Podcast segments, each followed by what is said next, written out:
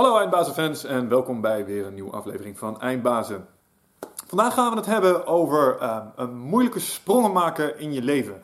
Uh, een boel van onze kijkers uh, denken ook veel na over waar ze naartoe moeten met hun carrière, hun ondernemerschap of gewoon hun leven in brede zin. Um, en actie daarin ondernemen is niet altijd even makkelijk. Wicht en ik worstelen daar ook mee. En daarom hebben we vandaag Bert van Dam in de studio uitgenodigd. En hij heeft een boek geschreven, uh, Makbuntu. En dat gaat over het najagen van geluk. Um, en hoe je middels een stuk uh, creatie, liefde en genieten nou ja, een rijker en beter leven kunt leiden. En een van de kernpunten van zijn filosofie is dat je actie moet ondernemen om je geluk daadwerkelijk te realiseren. Um, hele interessante podcast. Gaf mij en Wigert veel stof tot nadenken. Dus we hopen dat jullie het leuk vinden. Veel plezier bij het kijken. Um, mocht je nog op zoek zijn naar goede supplementen voor je hersenen en voor je lichaam, neem dan ook een kijkje op www.nutrofit.nl, de sponsor van onze show. Veel kijkplezier bij deze aflevering. Eindbazen wordt gesponsord door Nutrofit. De webshop voor natuurlijke voedingssupplementen en trainingsmaterialen die je helpen bij het verkrijgen van Total Human Optimization. Nutrofit is hofleverancier van merken zoals Onnit, Natural Stacks en Bulletproof Coffee. Probeer onze producten zonder risico door onze money back guarantee. Bezoek ons op www.nutrofit.nl. Bestel je voor 9 uur 's avonds, dan zorgen wij dat jouw bestelling de volgende dag geleverd wordt.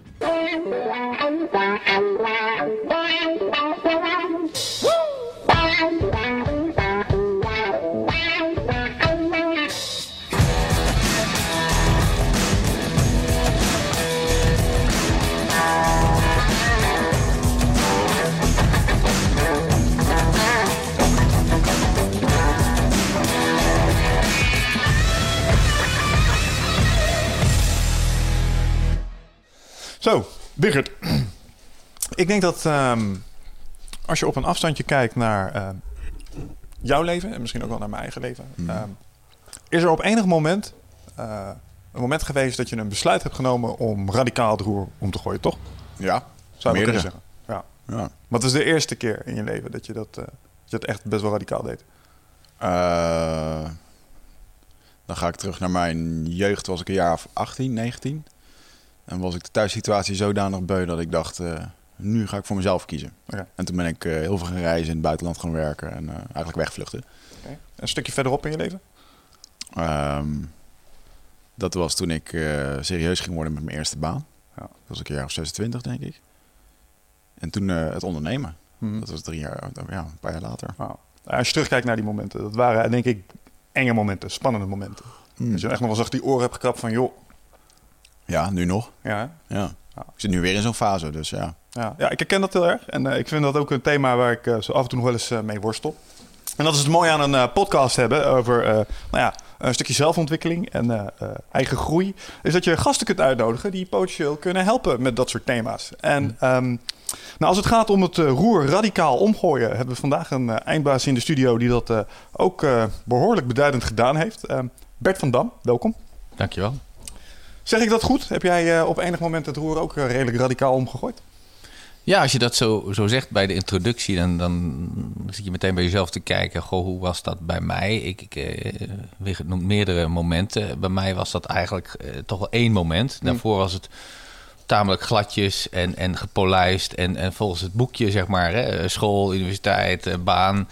Um, maar ja, er was een moment, uh, 2014 heb ik die beslissing genomen. En uiteindelijk zat er een moment vooraf uh, dat dat tot een conclusie kwam. Nou, dat, ik, dat ik wist, dit, dit wil ik niet meer. Hier word ik... dit is nog steeds wel een plezierig leven, maar dit is uiteindelijk niet waarvoor ik hier ben. Ja, want als jij zegt het, het ging behoorlijk gladjes en soepeltjes. Um, dat zou je wel kunnen stellen als je kijkt naar wat je deed uh, op dat moment. Want je had, je had volgens mij best wel een goede baan. Ja. Um, waar zat je op dat moment? Nou, de, de, toen ik deze keuze maakte, zat ik bij uh, Carphone Warehouse. Dat is een beursgenoteerd bedrijf in Engeland. De grootste retailer van mobiel, mobieltjes hmm. in Europa. Met iets van 2000, 3000 winkels, waarvan er 1000 in continentaal Europa. En ik was verantwoordelijk voor continentaal Europa. En zat daar dus ook in de executive board. Dus ja, dat is eigenlijk uh, uh, voor velen een, een soort droombaan. En uh, verdiende uitstekend. Mm ja, eh, na 25 jaar, daarvoor heb ik bij KPN gezeten, ja, voel, voelde je steeds meer, dit is niet mijn, eh, uiteindelijk mijn ding. Ik wil niet als ik 80 ben en mijn kleinkind zit op de knie, zeggen van ja, papa was, eh, was eh, voorzitter van de raad van bestuur van een grote telecommunicatiefirma. Dat was, daar werd ik niet gelukkig van. En dat wil niet zeggen dat die baan niet uitstekend is, Mhm. maar niet voor mij. Ja. Dat was, ehm, ik neem aan, een lastig inzicht om... eh, Nou ja, zeker als je kijkt naar, naar, naar mij als persoon. Hè. Ik schrijf ook in eh, het, het boekje dat angst speelde bij mij heel vaak een rol. eh, waardoor ik dingen niet deed of me bijvoorbeeld extreem voorbereiden. Sommige mensen zijn al veel meer ondernemend vanuit, eh, vanuit hun jeugd. En dat was bij mij niet zo. Ehm, eh, dus voor mij was dat wel een big step. En, ik, en ik, het, ja, het feit dat ik... Kijk, sommige mensen nemen de stap als ze geen... eh, ni- niet wat centjes op de bank hebben staan. Bij mij was dat wel zo. Alhoewel het met name kwam nadat ik die beslissing genomen heb. Toen rolde het in één keer. Ja, toen vielen er ook een aantal dingetjes nog, eh, nog goed uit, om het zo maar even te zeggen. Dus daar heb ik ook al aan na zitten denken. Hoe was dat dan precies? Maar ja, nee, uiteindelijk was het, was het, eh, was het voor mij toch een enorme stap om vanuit ja, die comfortzone, wat het voor mij was, bedrijfsleven. Eh, met alle hectiek, want het was een comfortzone, naar een totaal ander bestaan te gaan. Dus dat was, ja, nou, ik beschrijf inderdaad de vergelijking met de genoeg, hè, die Ja. de, rivier over moet. En dan ben ik geen genoeg, maar ik kan me voorstellen dat ik denk, ja, ga ik er nu overheen of ga ik er niet heen? Maar het is een oerinstinct en je moet op een gegeven moment. Kun je daar iets meer over vertellen? Want jij hebt op een gegeven moment heb jij ergens eh, in een, op een Afrikaanse Sengeti heb je ergens naar iets van 7000 genoeg staan kijken. En toen dacht jij, wacht eens even, hier is een parallelle te trekken. Ja, dat kwam, dat, kijk, dat parallel kwam nog van later. En overigens die 7000, dat werd mij dan, hè, dus die mensen die daar dan zitten, die zeggen, goh, die, die weten dan hoeveel, hoeveel, men- hoeveel genoes het Ik zijn. niet staan tellen, begrijp ik. Nee, ik heb het niet staan tellen. Maar eh, nee, het. het is uit apart. Ik, ik had gewoon een drang om met mijn, met mijn gezin naar, de, naar Afrika te gaan. Dat kwam een beetje ook door eh, de dingen die ik gelezen had. En Paul Ventenen van Vlissingen, die wat toch een soort inspiratie is voor mij. Die heeft daar ook vaak eh, veel over verteld en geschreven. Dus ik wilde daar naartoe. En ik wist eigenlijk ook niet waarom. Dus er zat geen vooropgezet plan in. Ik wilde daar eh, gewoon naartoe. En, en op het moment aan het eind van de safari dat wij de oversteek zagen van de, eh, van de gnoes. Ja, toen gebeurde, toen kreeg ik de laatste inzichten van het model. En, en, en toen voelde ik uiteindelijk ook, dat is eigenlijk een soort tweede inzicht van ja, ik moet zelf ook oversteken. Dus dat kwam eigenlijk later enorm binnen. E- Veel emotie en, en ja, dat komt ook vanuit een soort verbondenheid met de natuur. Het is een heel apart gevoel. Ik weet niet of een van jullie wel eens in Afrika is geweest, maar goed, je kunt het ook op andere plekken op de wereld hebben. Maar dan, dan geldt er een andere dimensie. Het is ook moeilijk onder woorden te brengen. Ja. Als je oog in oog staat met moeder natuur bedoel je? Ja, eh, ja. En ik, ik, ik eh, ja. Ik, ik, eh, maar goed, je kunt ook natuurlijk hier in het, bij het logo lopen en kijken naar, eh, naar mooie hedges en, en, en bomen. Maar in Afrika is toch een andere dimensie. En ik denk, ik denk zelf, als ik daar dan toch woorden aan eh, zou proberen te geven, dat het te maken heeft met het feit dat wij daar vandaan komen. Hm. Ja. En dat je daar echt de moederschoot hebt en, en dat een soort, een soort oerwaarheid daar ligt. Hm.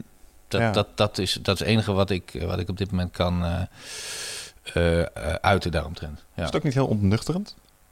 Om op zo'n Sengeti, zeg maar, ja, zo'n circle of life, weet je wel, alles is daar gewoon zoals het werkt in de natuur, zonder al die, nou ja, wij weten niet waar ons vlees vandaan komt, maar daar kun je in principe een roofdier zijn vlees zien vangen, zeg maar, en zien Ja. hoe dat in zijn werk gaat en dat dat eigenlijk best wel gruwelijk kan zijn soms, maar dat wij dat toch, ja, we hebben er niet zo heel veel oog meer voor.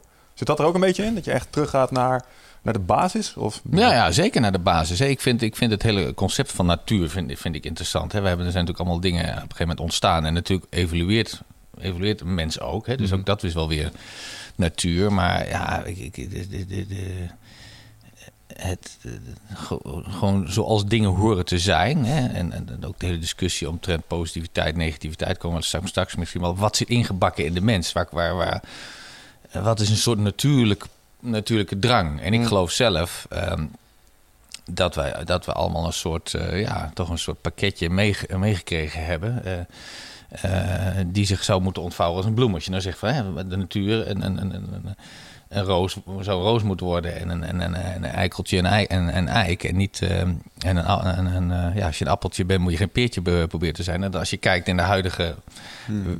wereld om je heen, dan zie je natuurlijk veel dingen die, die, die artificieel zijn. Mensen die iets proberen te zijn wat ze niet zijn. En eh, dat, dat, eh, dat interesseert, eh, interesseert mij al heel lang. En dat was ook iets, als je nou zegt van wat raakte jou daar? Mhm. Ja, dat is, dat is gewoon iets zoals, zoals het hoort te zijn.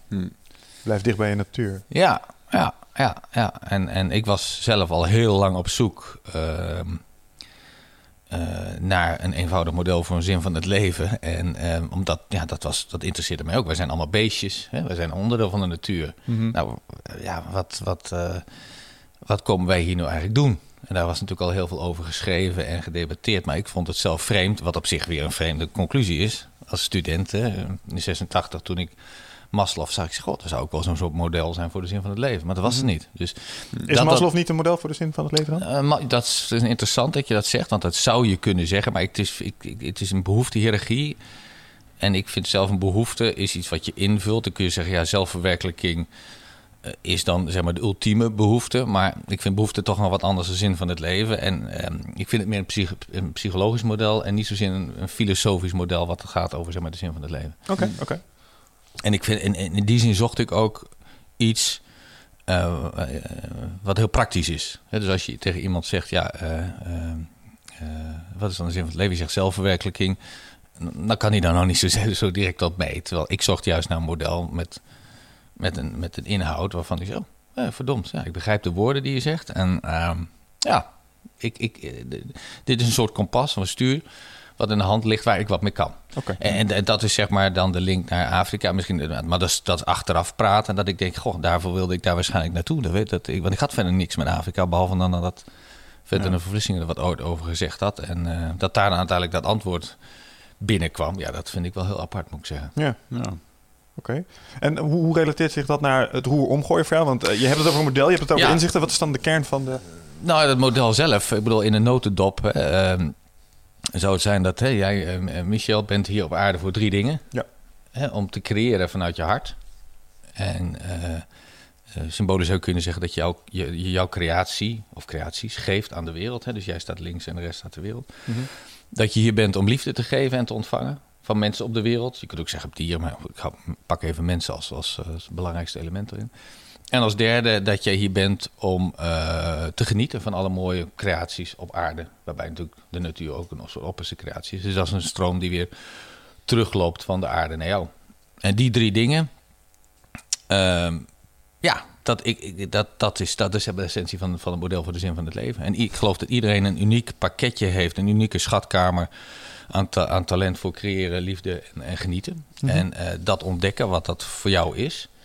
Ja, dat is denk ik, eh, dat is denk ik de ultieme, het ultieme doel van, waar, van waarvoor wij hier zijn. En als je dus maximaal ontvouwt op dat vlak, ja, dan heb je denk ik goed gedaan. Dat, is mijn, dat is mijn inzicht. En, ehm, of dat is mijn mening.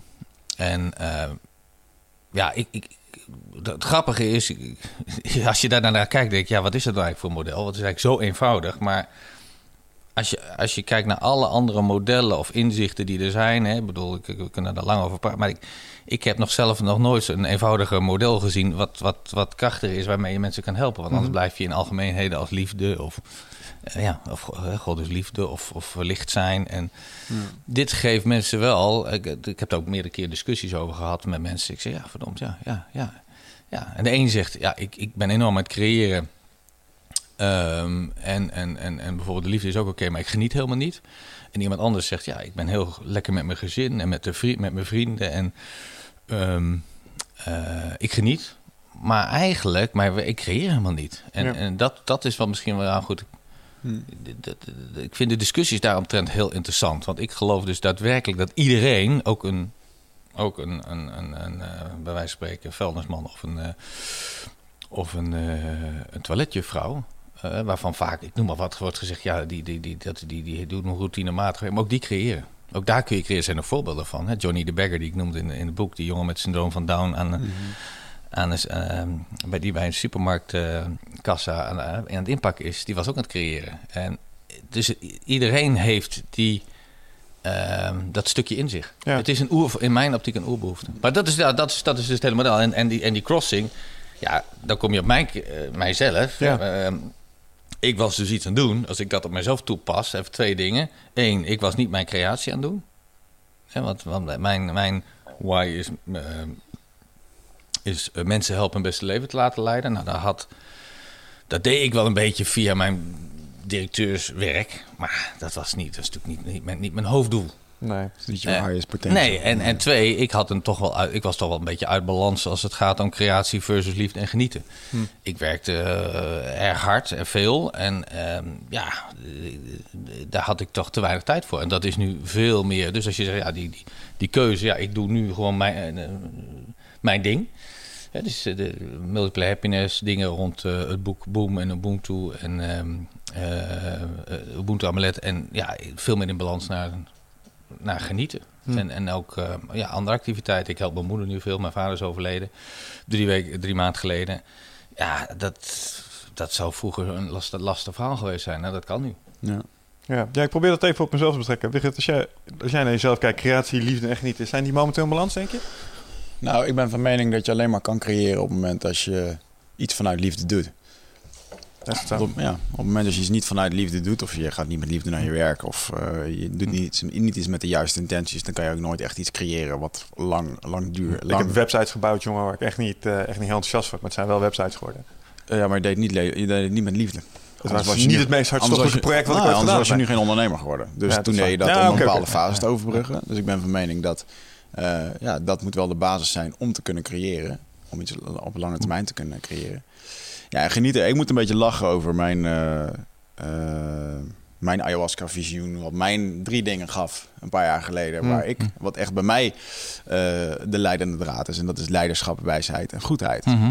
Dat leiderschap, dat je leiderschap over jezelf neemt. Dat je goed voor jezelf zorgt. Eh, en daarmee dus ook naar anderen. Mhm. Eh, dat je ook in je creatie staat. Eh, goedheid of wijsheid. Dat je alle wijsheid en kennis tot je mag nemen. Want ja, alles begint met ideeën. En je hebt gewoon die, al die wijsheden die er al zijn, kan je tot je nemen.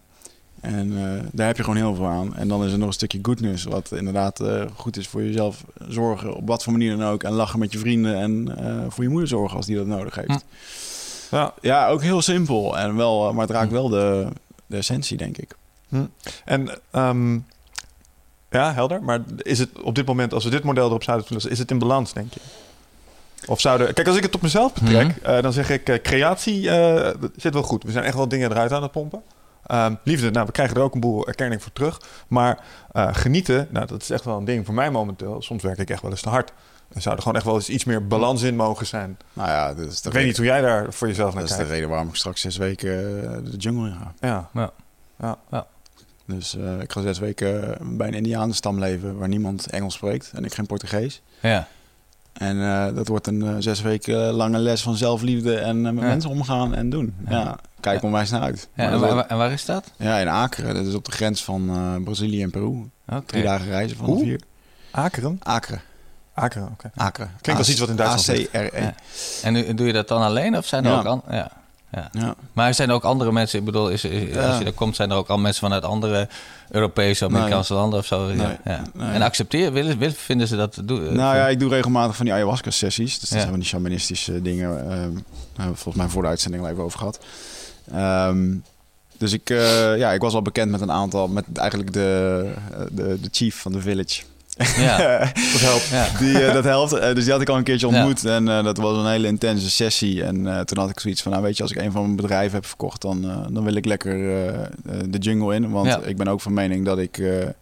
ik heb ook een, een grap gehad waarbij ik tien maanden op kantoor heb geslapen. En fucking hard heb gewerkt. En ik merk gewoon dat mijn systeem, mijn lichaam, nog steeds niet oude is. Dus ik ben wel van mening dat als ik straks een keertje eh, digitaal ga detoxen... Ja. Ik ga er ook in isolatie. Dus dan Mm. betekent dat je niet eens in het dorp zit, maar Ja. een eindje daarvan weg. Ja. En dan zit je dus midden in die jungle. Ja. Ja, ja dan ga je wel tot jezelf Ja. komen. En dan ben ik ervan overtuigd dat de inzichten zoals jij Ja. die hebt gekregen, dat Ja. die ook eh, Ja. zullen komen. Ja. Is dit nou echt genieten dan, denk je, straks? ja, dat vind ik... eh, Het klinkt als man. Nou ja, dit, ja, nou ja, ik krijg heel veel mensen te horen van... Dude, eh, zou je niet Ja. gewoon een vijf sterren hotel ergens boeken... en gewoon Ja. gaan relaxen even? Maar ja, dit, weet je... Dan ben je het weer, denk ik... Voor mijn gevoel ben ik het dan weer aan het wegpoetsen.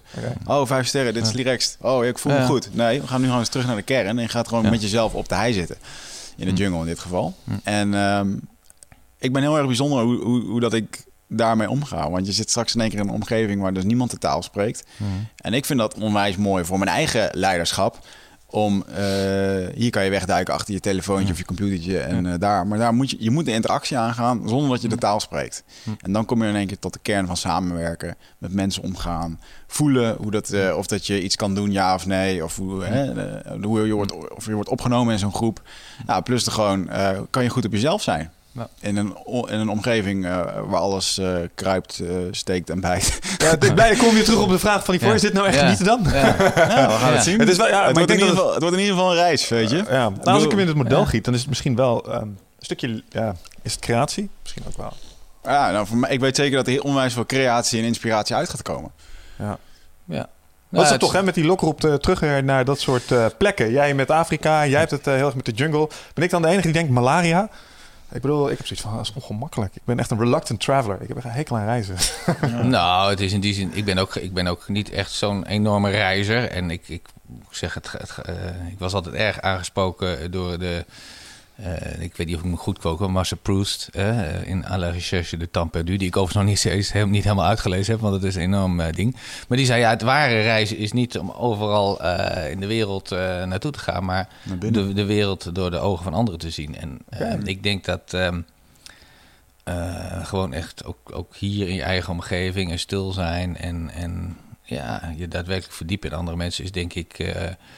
Eh, eh, je kunt ook al reizen in je eigen, in je Mm. eigen wijk, in je eigen omgeving. eh alhoewel natuurlijk wel andere culturen en dat soort zaken. Tuurlijk, dat je enorm- jezelf er echt wel enorm mee. prikkeld. Ja, ja, ja, maar ik was ook wel eh, met in, met in, in, in, in Ent en dat soort dingetjes. Ja.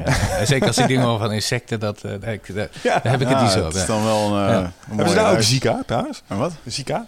Ja, dat schijnt echt ook al 80 jaar te bestaan en eh, in al heel veel gebieden te zijn. Dus dat is nu eventjes voor de Olympische Spelen wat ja, hebben, maar ik, kan niet, ik vaccinaties blijf er niet voor weg inderdaad. Nee. Maar het is een, eh, een ander dingetje, en wat ik ook wel, wat je vaak merkt, is dat, ehm, zeker überhaupt als je naar Spanje op vakantie gaat, dat in de ontspanning, in één keer, in de totale ontspanning, dat je even helemaal niks hebt, dat je even niet je laptop hoeft te openen, dat je Mm. het idee hebt van, oh, ik hoef nu niks te doen voor mijn werk, dat daarin de ideeën, de inspiratie en de creatie Ja. komt.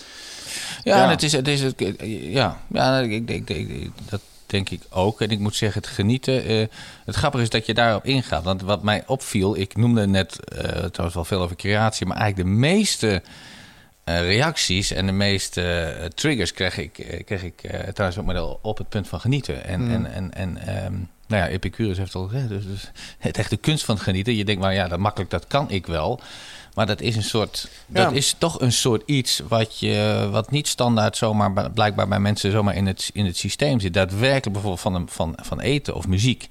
Daadwerkelijk gewoon met volle attentie genieten van, van, Ja. van eten. En, en Mm. Portugal, je had het over Portugal, Spanje. Ja, ik heb daar weer zo genoten van hoe je überhaupt gewoon een, eh, een vis, hoe je die kan bereiden en gaan halen, weet je wel, in plaats van dat maar standaard spul. En daadwerkelijk je, je smaakpapillen ehm, Mm. daarop focussen, dat is, eh, dat is toch een kunst. En met muziek ook. We doen vaak heel veel dingen tegelijk en dan gaan natuurlijk, er zit een ruis op de lijn. En, Ja. eh, maar ook voor jezelf weten waar jij vooral van geniet, hè? En niet, en niet een ander. Hè? Dat Maar dan ben je eigenlijk weer gewoon aan het werken. Ja. Wat zeg je? Dan ben je eigenlijk gewoon weer aan het werken. Ja, ja, precies. En ik denk dat eh, ik denk dat het heel goed is dat je voor jezelf goed, goed weet wat jouw bronnen van. eh, ja, van waar, waar jij weer energie uit put. Hè. Je gaf net al aan, eh, maar dat, dat triggert. Dat is ook weer dan een platform of een bron waaruit weer creatie kan, kan Ja, Ja, komen. dus als je Ja. één deur dicht, eh, ja, bijvoorbeeld ook met mijn bedrijf, weet je wel, lang lopen klooien van gaan we ermee door, gaan we niet door. En je houdt eigenlijk ontzettend veel deuren dicht op het moment dat je zegt van ja, we gaan ermee door, want we proberen het maar weer. En dan is het eigenlijk Ja. gewoon je ego die aan het vechten is om, Ja. om er maar succes van Ja. te maken. Ja. En de dag dat ik eh, eh, besloot eh, om het gewoon niet meer te doen, ja, dan komt er denk ik alles op je af. Ik zie jou lachen, ik weet waarom. Ja. Ja. Ja. Maar ehm, eh, ja, in één keer gaat dan alles open. Alle deuren en alle dingen komen op je af. En dan denk je, jezus man, heb ik hier zo lang mo- moeilijk overlopen. Ja. Ja, Dus maar, en- ja. Dus het feit dat je net zegt van ja, er komt er ook in één keer en er kwam er in één keer wat geld en dingen op Ja. mijn pad. Ja. Ja. bij mij staat nu ook, er was heel veel onzekerheid. Ja. En ehm, ja, in één keer komen er toch in één keer een hoop dingen op mijn pad dat het toch allemaal gewoon lukt of zo. Ja. Ik noem het altijd Ja. de knipoog van het universum. Als je dan een bepaalde keuze Ja. hebt gemaakt en ineens... Oh, ik ga hier linksaf. Hey, en ineens zijn er klusjes, Ja. zeg maar. Terwijl ik Ja. al die tijd dat werk Ja. niet zag liggen, nu is het er ineens. Maar ik vraag me altijd af, is dat... Ben jij het die anders naar de wereld kijkt? Of verschijnen die kansen ook oprecht? Ik denk Ja, dat ze er is- altijd al waren. Alleen jij ziet gewoon meer. Ja, ik denk dat is, dat is synchronicity. Hè? Ja. eh, Ik weet niet of je... Ja. De boek van Joseph Jaworski vind ik een van de beste boeken ooit. En ja, dat is, eh, en natuurlijk Paulo Coelho heeft dat ook, hè, Le- leef je legende, dan zal het universum samenspannen dat dat ook gebeurt. Dat, dat soort dingen hebben me altijd erg eh, bezig gehouden. Ik geloof dat er inderdaad al heel veel is. En ik, ik geloof heel sterk dat als je op een gegeven moment oprecht vanuit jezelf kijkt van, ja, waar, waar, waar, waar, waar, waar, eh, eh, waar ben ik voor? Hè? Wat, waar, waar dien ik voor? En dan komt een van de inzichten is dan ehm, naast die drie pijlers, hè, dus dat je gaat van ego naar wereld en van, van eh, hoofd naar hart en van passief naar actief, maar vooral van ego naar wereld, dan, dan zie je intentie als die die kant op gaat. Ja, dan geloof ik dat heel veel mogelijkheden zich ontsluiten die er altijd al waren. Wat bedoel jij met ego naar wereld? Nou, dat je gefocust, dat uiteindelijk een soort diep inzicht, dat zie je ook wel in het model. Daarom heet het ook Ubuntu, wat een samenvoeging is van eh Maktube en Ubuntu. En Ubuntu, ja, dat staat voor het kernbesef dat, je, dat jij bent omdat wij zijn. En dat daar, daar hè, dus ik ben door anderen. Het, het, het, het, het, het primaire vertrekpunt of oergevoel. Eh, dat je verbonden bent met elkaar. En dat geeft, eh, dat, geeft dat, ik, ik- dat is voor mij wel een van de hoofdinzichten eh, van, van de mensen in zijn eigen transformatie. Dat, dat als je dus iemand anders pijn doet, of op het vuil neer, dat je jezelf, dat je jezelf pijn doet. En ehm, ehm, ik denk dat dat inzicht, hè, wat uiteindelijk ook leidt tot geven, want dat had, heeft iemand, ik weet niet wie dat ooit ontworpen heeft, of nou God is of wat andere, dat buitengewoon interessant gedaan. Want dus, dat zit ook in ons systeem. We willen gelukkig zijn, maar een van de kernpunten van geluk is als je, als je anderen gelukkig maakt of je zorgt voor anderen. Hè, weet je wel? Dus je ziet ook dat daarin, zelfs die verbondenheid, die zit er gewoon in. Ja. Maslow de- heeft hem volgens mij zelf er ook in zitten. Dat is gewoon dat is de pijler respect. De Respect voor elkaar en respect van, van een ander krijgen. Waardering. Ja, erkenning, daarin? waardering, ja, absoluut. Ja. Hij, zit, hij zit, maar je kunt hem ook nog in een bepaalde reciprociteit. Maar goed, dat maakt ook niet uit. Uiteindelijk zit hij erin. Maar dat is, dat is, als je kijkt naar de tijd van nu. We hadden het begin over de natuur en waar we, hoe we nu bezig zijn. Dat is niet voor niets spreekt men over de happiness paradox. Ja. We weten allemaal inmiddels vanuit wetenschap hoe we gelukkig we, we, we, eh, kunnen worden. Maar we doen iets wat Ja. volledig daarmee in strijd is. En ik denk dat dat, ehm, ja, dat, dat een van de, van, de, van de kernpunten is. Dat je intentie is eh, dat je iets wilt toevoegen. Daarom zeg ik ook, je geeft de creatie aan de wereld. En Je ziet ook die pijl lopen van jezelf naar de wereld in plaats van ik doe het voor mezelf. Mhm. Dat zit er natuurlijk wel ook in, omdat je uiteindelijk kijkt naar wie ben ik dan. Hè? Mhm. Dus ik vind ook van belang dat je echt kijkt naar wat jouw creatie is, in plaats van dat je zegt, ja, de wereld heeft dit nu nodig, dus dit ga ik maar doen. Nou, zo zie je, dat is te, te algemeen. Nee, je moet kijken wat jij hebt toe te voegen. Maar eh, dat, is, dat is qua mindset een hele, een hele andere. Geloof je dat dat al bepaald is? Dat is een hele interessante vraag. Ja, ik, ik, ik, eh, Ja, ik heb namelijk eh, even gekeken naar wat Makbuntu eh, ook betekent. In het Arabisch schijnt het te betekenen, het staat geschreven in het universum. dat is en- Maktube, ja. En dat, dat klinkt enigszins deterministisch, dus dat Ja. zou suggereren dat er een plan is. ja. Nou, mijn vraag is aan jou, denk Ja. dat dat waar is? Ja, ik zou. Je zegt van, denk je dat het waar is? Is een groot geloof. Ik denk, ik denk, ik denk het wel. Ik denk het wel. Ik Hm. denk dat, ik denk dat er een. ehm, ik denk dat dat. Daarmee bedoel ik het pakketje, hè, wat, wat, wat, wat klaar ligt voor jou. Daarmee bedoel ik niet dat uiteindelijk. eh, eh, wat er uiteindelijk uitgekomen is, dat dat wel vaststaat. Dat geloof ik dus niet. Het ga, hè, dus jouw pakketje staat.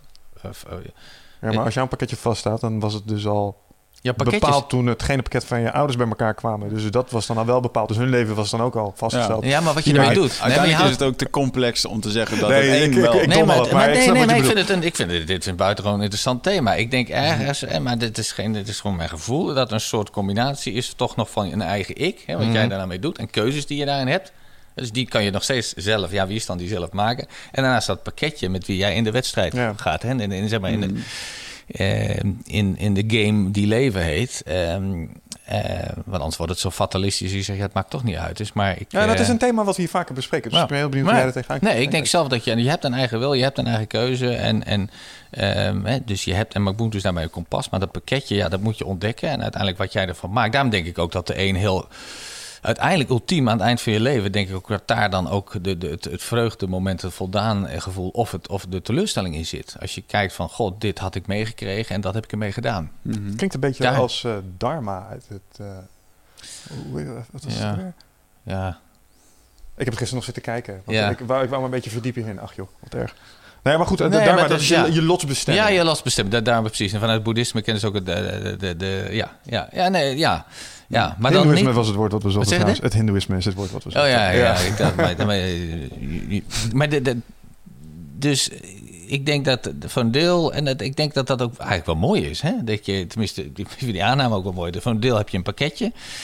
En voor de andere deel heb je dus je eigen, wat je ervan maakt. Ja. En, en, en, en, ehm, maar het begint maar eens met het ontdekken van, eh, van wat is dat pakketje dan? En dat je daar dus ook gewoon heel, dat het niet zo is dat het ene pakketje nou per definitie, hè, de, het gas in de- in de tuin van de buurman, zeg goh, wat heeft die allemaal meegekregen? Mhm. Nee, dat pakketje, dat, eh, dat kan soms eh, heel, bijna niks lijken. En het is, eh, dat is... Ja, want dat, dat, dat brengt een eh, interessante vraag inderdaad, reist dan bij mij. Zijn al die pakketjes dan gelijk? Kunnen we zeggen dat iedereen, het zou, eh, iedereen gelijkwaardig is? Ja, qua mens sowieso. Maar de ene, ja, kijk maar Mozart of Bach, als je kijkt wat die muzikaal hebben meegekregen. Ik kan wel zeggen dat ik. ik dat, misschien, je hebt het over die 20% zei je van tevoren waarin je anders bent. Ik ben dus niet zo dat je kunt alles worden eh, die je denkt dat je kan worden. Nee, zo hè? ben ik niet. Nee, nee, absoluut niet. Eh, en en ik vind dat ook een, een klein element. Ik, ik ben wel erg van, als je kijkt naar The Secret en eh, The Law of Attraction. Ja, maar daar staat bijvoorbeeld in, je kunt alles worden wat je wil. Nee, je moet kijken van, je kunt, je kunt worden wie je bent. Hè? En, en dan, daarvoor moet je kijken van wat erin zit. Dus, en dat is in die zin gelijkwaardig. Hè? Dus iemand kan zeggen, ja, ik kan alleen maar... eh, ja, ik, ik, ik, ik, eh, ik, ik kan alleen maar iets naar, naar andere mensen toe doen. Ik kan helemaal niet creëren en een groot bedrijf opbouwen, maar iets naar andere mensen toe doen. Als je kijkt naar wat, wat hè, Gandhi en, en Moeder Mhm. Teresa, ja, pff, dat is natuurlijk een leven waar je u tegen zegt. En, en dus, dus je moet daar niet... eh, Ik denk dat je alles kan krijgen op het moment dat je in die hoogste potentie van jezelf gaat staan. Dus daarvoor moet je jezelf wel eerst leren kennen. ja, maar denk maar je dan president ook van de alles- Verenigde Staten zal het nooit worden. Premier van Nederland ook niet. Als, als, je- nou, als jij in je hoogste potentie zou gaan staan, als dat iets, eh, als het iets is wat voor jou is, als je goed kan leiding geven, als je charismatisch leiderschap in je hebt, je kan goed debatteren en je zit daar Ja. helemaal in je rol, Ja. waarom zou het dan niet lukken? Nee, oké, maar dan heb je al van Nee, maar ik ga even uit van. Ja. En Michel nu zeg maar. Als wij nu zouden Ja. zeggen, wij worden premier van Nederland, en sowieso, of één van ons wordt premier Ja, van ja. Nederland, dat gaat niet lukken. Hè? Nee, oké, maar dat heeft dan allemaal randvoorwaarden waarvoor dat, dat niet zou lukken. Maar uiteindelijk betekent het, eh, de achterliggende gedachte dat je dat wil doen, is dat je iets wil betekenen voor een grotere doelgroep waar je Ja. wat in kan zeggen. Ja. Dus de rol Ja. van premier, die Ja. is misschien te vast eh, Ja, ja. voor dit universum om te zeggen van nou, dat wil ik. En als Ja. dat niet lukt, ja. Ja. dan word je ongelukkig. Ja. Maar op het moment dat je dat andere, de achterliggende gedachte gaat nastreven, Dat vind ik een mooie. ja, dan denk ik dat je eh, in alle eerlijkheid, eh, ja, met een podcast eh, bereiken we ook meer dan een half miljoen mensen. Ik weet Ja. niet hoeveel premier Ja. Rutte er bereikt. Ja. Naar zijn, 16 eh, miljoen, denk ik. Ja, oké, iets maar, meer nog. Nee, maar hè? Je begrijpt wat ik bedoel. Ja. Oké. ja. Maar dat denk ik, wat, wat jij zegt, is, dat is belangrijk. En dat bedoel ik ook te zeggen met creatie vanuit je hart. Kijk naar je hart en de potentie die erachter sorry, Ja, de intentie die erachter Dit is, zit. een mooi, dit is een mooi kompas. Als, je Ja. denkt, als je het gevoel hebt, ik zou premier willen worden, dan moet je kijken wat je eigenlijk... Kijk, wat doet een premier? Die Ja. heeft blijkbaar invloed op het beleid of iets dergelijks. En die, heeft, die kan impact maken. Misschien Ja. is dat dan wel wat je wil. En dan kun je Ja. zoeken binnen die range om iets te doen wat je dan wel realistisch is voor jou. Ja, ik vind het altijd mooi om te zeggen van... eh, die, eh, Na- NASA die heeft volgens mij eh, sinds 1985 geen sollicitatierondes meer gedaan. Geen Mhm. open sollicitatierondes. Hm. Of één of twee keer. Dus de, ja, ik wil astronaut worden. Ja. Ja, Succes je ermee, ja. solliciteren. Dus dan Ja. best practice is dat je gewoon wetenschapper gaat worden. Ja. Eh, Oh, zo, en daar ja. naartoe werkt en dat je op die manier naartoe ja. komt. Want uiteindelijk zijn er nog steeds een hoop astronauten. Ja, Wordt het alleen maar meer, denk ik. ja. Dus Oké. Ja. Maar dat, is ook, dat vind ik ook een van de interessante dingetjes. Hè? Als, je, als je op zoek daarnaar gaat. En het hele aspect van hè, de burning desire. Hè? Dus eh, je zegt, ja, ja, nee, ik wil premier worden. Maar het is dat, het is, het is, het is, eh, als je contact maakt dan met, jou, met jouw creatie of met je bron. mhm. Ja, dan krijg je. eh, ehm, eh, dan staat er een soort, als het goed is tenminste, een soort burning desire. En, en, en vanuit die kracht en energie. Ja, dan, dan, dan, dan, eh, dan rollen de dingen mis. Als het vanuit ja, maar dan krijg je de mensen mee. En dan, krijg je de eh, mensen, dan krijg je de mensen mee. En dat, en dat is iets heel bijzonders. Als je- Dan, dan, Omdat men voelt dat het echt is. men voelt dat het echt is. Absoluut. En dan geldt er een soort, eh, weer die oer, oergevoel. Dan is het ook niet meer zo leider. En dan, of alle andere dingen die wij verzonnen hebben vervagen. Hè? Dus dan kan ook bij spreken een, ja, een medewerker eh, en, en- en, heel veel mensen meenemen. In plaats van dat je per se directeur moet zijn. Ja. Moet zijn. Dit doet me denken aan iets wat een eh, vriend van mij wel eens vertelt eh, over zijn theatersport. Dan staat hij op de bühne en dan zegt hij... je moet er altijd vanuit gaan dat het publiek je wil zien slagen. Ze willen graag dat je een Ja, goede show neerzet. ja, Ze zijn er niet ja. op uit om jou te vernietigen of Ja. boe te roepen of zo. Nee, Ja. ze willen gewoon dat het lukt voor je. Ja. En ehm, als je dat al weet, dan is het makkelijker om je over te geven Ja. aan, aan je rol. En misschien is dit eh, dat nastreven van geluk of dat wat je echt wil, misschien wel een beetje hetzelfde. Je moet niet denken dat mensen tegen je zijn. Ze willen graag dat het lukt Ja. voor je. En vaak halen mensen zich iets in het hoofd waarbij ze denken: ja, maar mensen zijn tegen me of eh, ze gaan me niet helpen of ze laten me vallen. Ik denk dat het heel erg meevalt als je er echt voor Ja. Ja. Dan komt het ineens uit onverwachte hoek misschien, maar het Ja. komt er wel. Ja, plus als je inderdaad, ja, dat, dat- ik ben, daar ben het helemaal me- met je eens, Michel. Daarnaast is het ook zo dat als jij dus een rol hebt of in een, je in een situatie zit die dicht bij jou Makbuntu past, Mhm. dan hoef je ook weinig toneel te spelen. En ik heb zelf bij mezelf gemerkt dat als je toch een rol hebt die, die op sommige punten ja, wat minder eh, bij jou passen. Hè, of je, nou ja, bijvoorbeeld, ik moet een presentatie geven bij eh Phonehouse of Planet Media Groep. Dan moest ik me altijd wel goed voorbereiden. Ik vind, überhaupt moet je wel een beetje voorbereiden. Maar?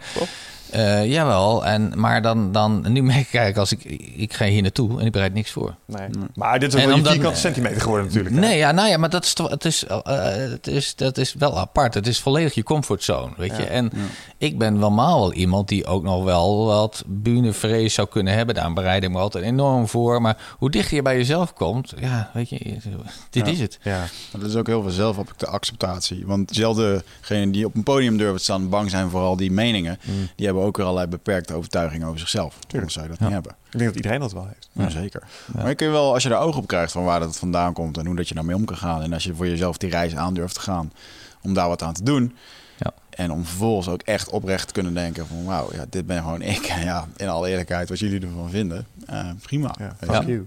Ja. Ja. maar dat is wel eh, iets wat... ehm hey, luister man, wij werken nu een tijdje samen. Dat is als ik Wigert omschrijf ook wel een van de dingen waar jij een klein beetje mee gezegend bent. Jij hebt iets eh, waarmee je gewoon kunt springen en gaan. En denk, we zien wel, gewoon doen. Hmm. Weet je wel, dat heeft niet iedereen. Ehm, Mhm. Ik neem aan dat jij ook wel de nodige drempel of afgrond hebt ervaren waar je overheen moest springen Mhm. voordat je dit kon doen. Ehm, wat is voor jou, ehm, of voor mensen die luisteren, die, die dan denken van ja, schijnig. En ik, ik begrijp wel een beetje Ja. wat je bedoelt, maar makkelijk lullen. Ehm, wat is dan de tip die je voor ze hebt van ja, maar als je het nou zo bekijkt, dan ga je wel tot actie over. Nou ja, als je dan, nu kom je op het hoe. Hè? Ehm, ik, ik, ik zelf, ehm, als je kijkt naar het, eh, het boekje, beschrijf ik ook drie, drie, drie, eh, drie eh, of technieken, maar drie dingen die je kunt doen, die heel eenvoudig zijn, die ik zelf ook, die voor mij het meest praktisch waren om te doen. Ehm, en als je ze hoorde, dan denk je ook van ja, wa- wa- wat is het nou eigenlijk? Maar het, het allereerst noteren. Het noteren van, eh, pak maar eens een boekje. Ik zie nou ook zo'n mooi boekje liggen. Pak maar, of bij jou ook. Ja, we zijn Pak- van het schrijven. Ja, nee, maar absoluut. Maar schrijven is, en dan pak maar eens een boekje. En, en dus niet ook na het, ja, ja, je kunt het ook wel op je notitieblokje van je iPad doen. eh, eh, maar pak maar eens een boekje en schrijf maar eens op van eh, wat, jou, eh, wat, je, eh, wat je eigenlijk wil gaan doen in het leven. Waar je gelukkig Mhm. van wordt. En, Ja. ehm, en of je de, de meest zware vraag, hè, hoe wil je herinnerd worden als je er niet meer bent? Nou, als je die opschrijft, dan maak je wel contact met. want anders kom je niet naar binnen toe. Je moet ergens toch wel naar binnen toe. Want Ja. als je geen contact maakt, maar je kan je zeggen, ja, ik moet wel veranderen. Maar ergens, de oerkracht komt, komt voort als je, dat je, als je contact maakt met jezelf. Dus, en noteren is daar een techniek voor. Dat heeft bij mij ook geholpen. Mhm. Ehm, eh, ja, mediteren. Het is, ik doe dat nu sinds september 2014. En eh, elke dag 20 minuten. mhm.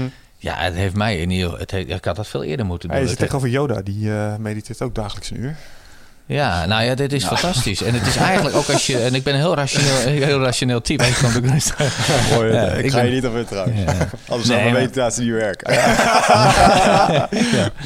Ja, nee, maar het is gelukkig een beetje uit de taboe, uit de taboe-sfeer. Hè? Ik, ik, eh, ik denk als ik over twintig, als het twintig jaar geleden of vijftien jaar geleden als ik had gezegd dan, dat ik mediteerde, had men, eh, hadden heel veel mensen gezegd, joh, eh, eh, die witte jassenbrigade, neem die man even mee. Maar Mhm. gelukkig is dat anders. En, en, als je, en ik ben uiteindelijk ook pas overtuigd, moet ik eerlijk, eerlijk zeggen, toen ik een, een boekje had gelezen van twee Duitse artsen. Nou ja, Duitsers zijn gewoon nuchter. Nou, dan kun je mij een hand geven. Ik heb ehm, ook toen ik las dat het echt iets deed met eh, de, eh, ik geloof de hersenplasticiteit Ja, ja, van je hersenen en zo. En Ja, dat je echt, eh, dat je echt snuggerde. Maar dacht ik, oh, might be something to this. Misschien toch ook Ja, gaan nee, absoluut. Het is, eh, en, en, en zo, zo is het. Dus ook echt ja, wetenschappelijk. Kijk, als je kijkt in het hoofd, je neuroplasticiteit inderdaad. Ehm, en als je er ook wat dieper over eh, bij nadenkt... en ik had er dus wat meer overtuigingskracht bij nodig, eh, net zoals jij... is het eigenlijk ook heel logisch. Hè? Dus dat je, dat je af en toe die, eh, je hoofd even in bad doet. Hè? Want als je weer kijkt even naar de natuur... ehm, nog een paar, eh, nog, nog, ja, nog een paar duizend jaar geleden eh, was het toch een soort basisritme wat we hadden. En, eh, bijna Maslow 1, 2, 3. Ja. Nou ja, en, en, en, eh, erkenning was dan juist iets van wat je deed met werk en vervolgens zelfverwerkeling was, was naar de kerk gaan of zo. Dat was het dan. Maar er was de, qua indrukken en dat soort dingen was het tamelijk, ja, is het niet in vergelijking met wat het nu is. Dus die computer, ja, die past zich over, is mijn eh, eh, beeld ook wel aan over de komende 100 jaar in DNA. Dus dat wordt waarschijnlijk ook wel weer. dat nou ja, veel langer duurt nog. ja, of veel langer duurt. Maar dat betekent eigenlijk dat hij vaak oververhit is. En dat je dus nu, dat, dat, dat, dat, dat, dat, tenminste, dat beeld heb ik maar voor mijn ogen houden. Dat je hem echt even je hoofd, je hersenpannetje in bad doet. Ja. En, maar het is daadwerkelijk wat erin beschreven staat. Dat je, je ziet de kleuren beter. Je bent liefdevoller naar je omgeving. Eh, ja, toch minder gestrest. Dat is, eh, dat is gewoon waar. En Ja. het is, eh, ik had dat eerder moeten doen. Ja. We hebben het de laatst met een meneer over gehad, Steven Maxwell. En die vertelde dat een belangrijk deel daarvan ook het ademhalen is. Er zit heel veel techniek in ademhalen. En de manier waarop je ademt doet ook een heleboel met de, de doorbloeding en de hoeveelheid zuurstof Ja. die je binnenkrijgt. Bijvoorbeeld heel hoog in je borst ademen. Dat is veel minder gunstig als heel diep. Diep, precies. En ik ja. dat, Ja. alle mindfulness oefeningen die ik heb gedaan, want ik doe het alleen guided. Ik kan niet stilzitten Nee. en dan gewoon Ja. voor me uitturen. Dan ga ik, Ja. eh, word ik onrustig. Ja.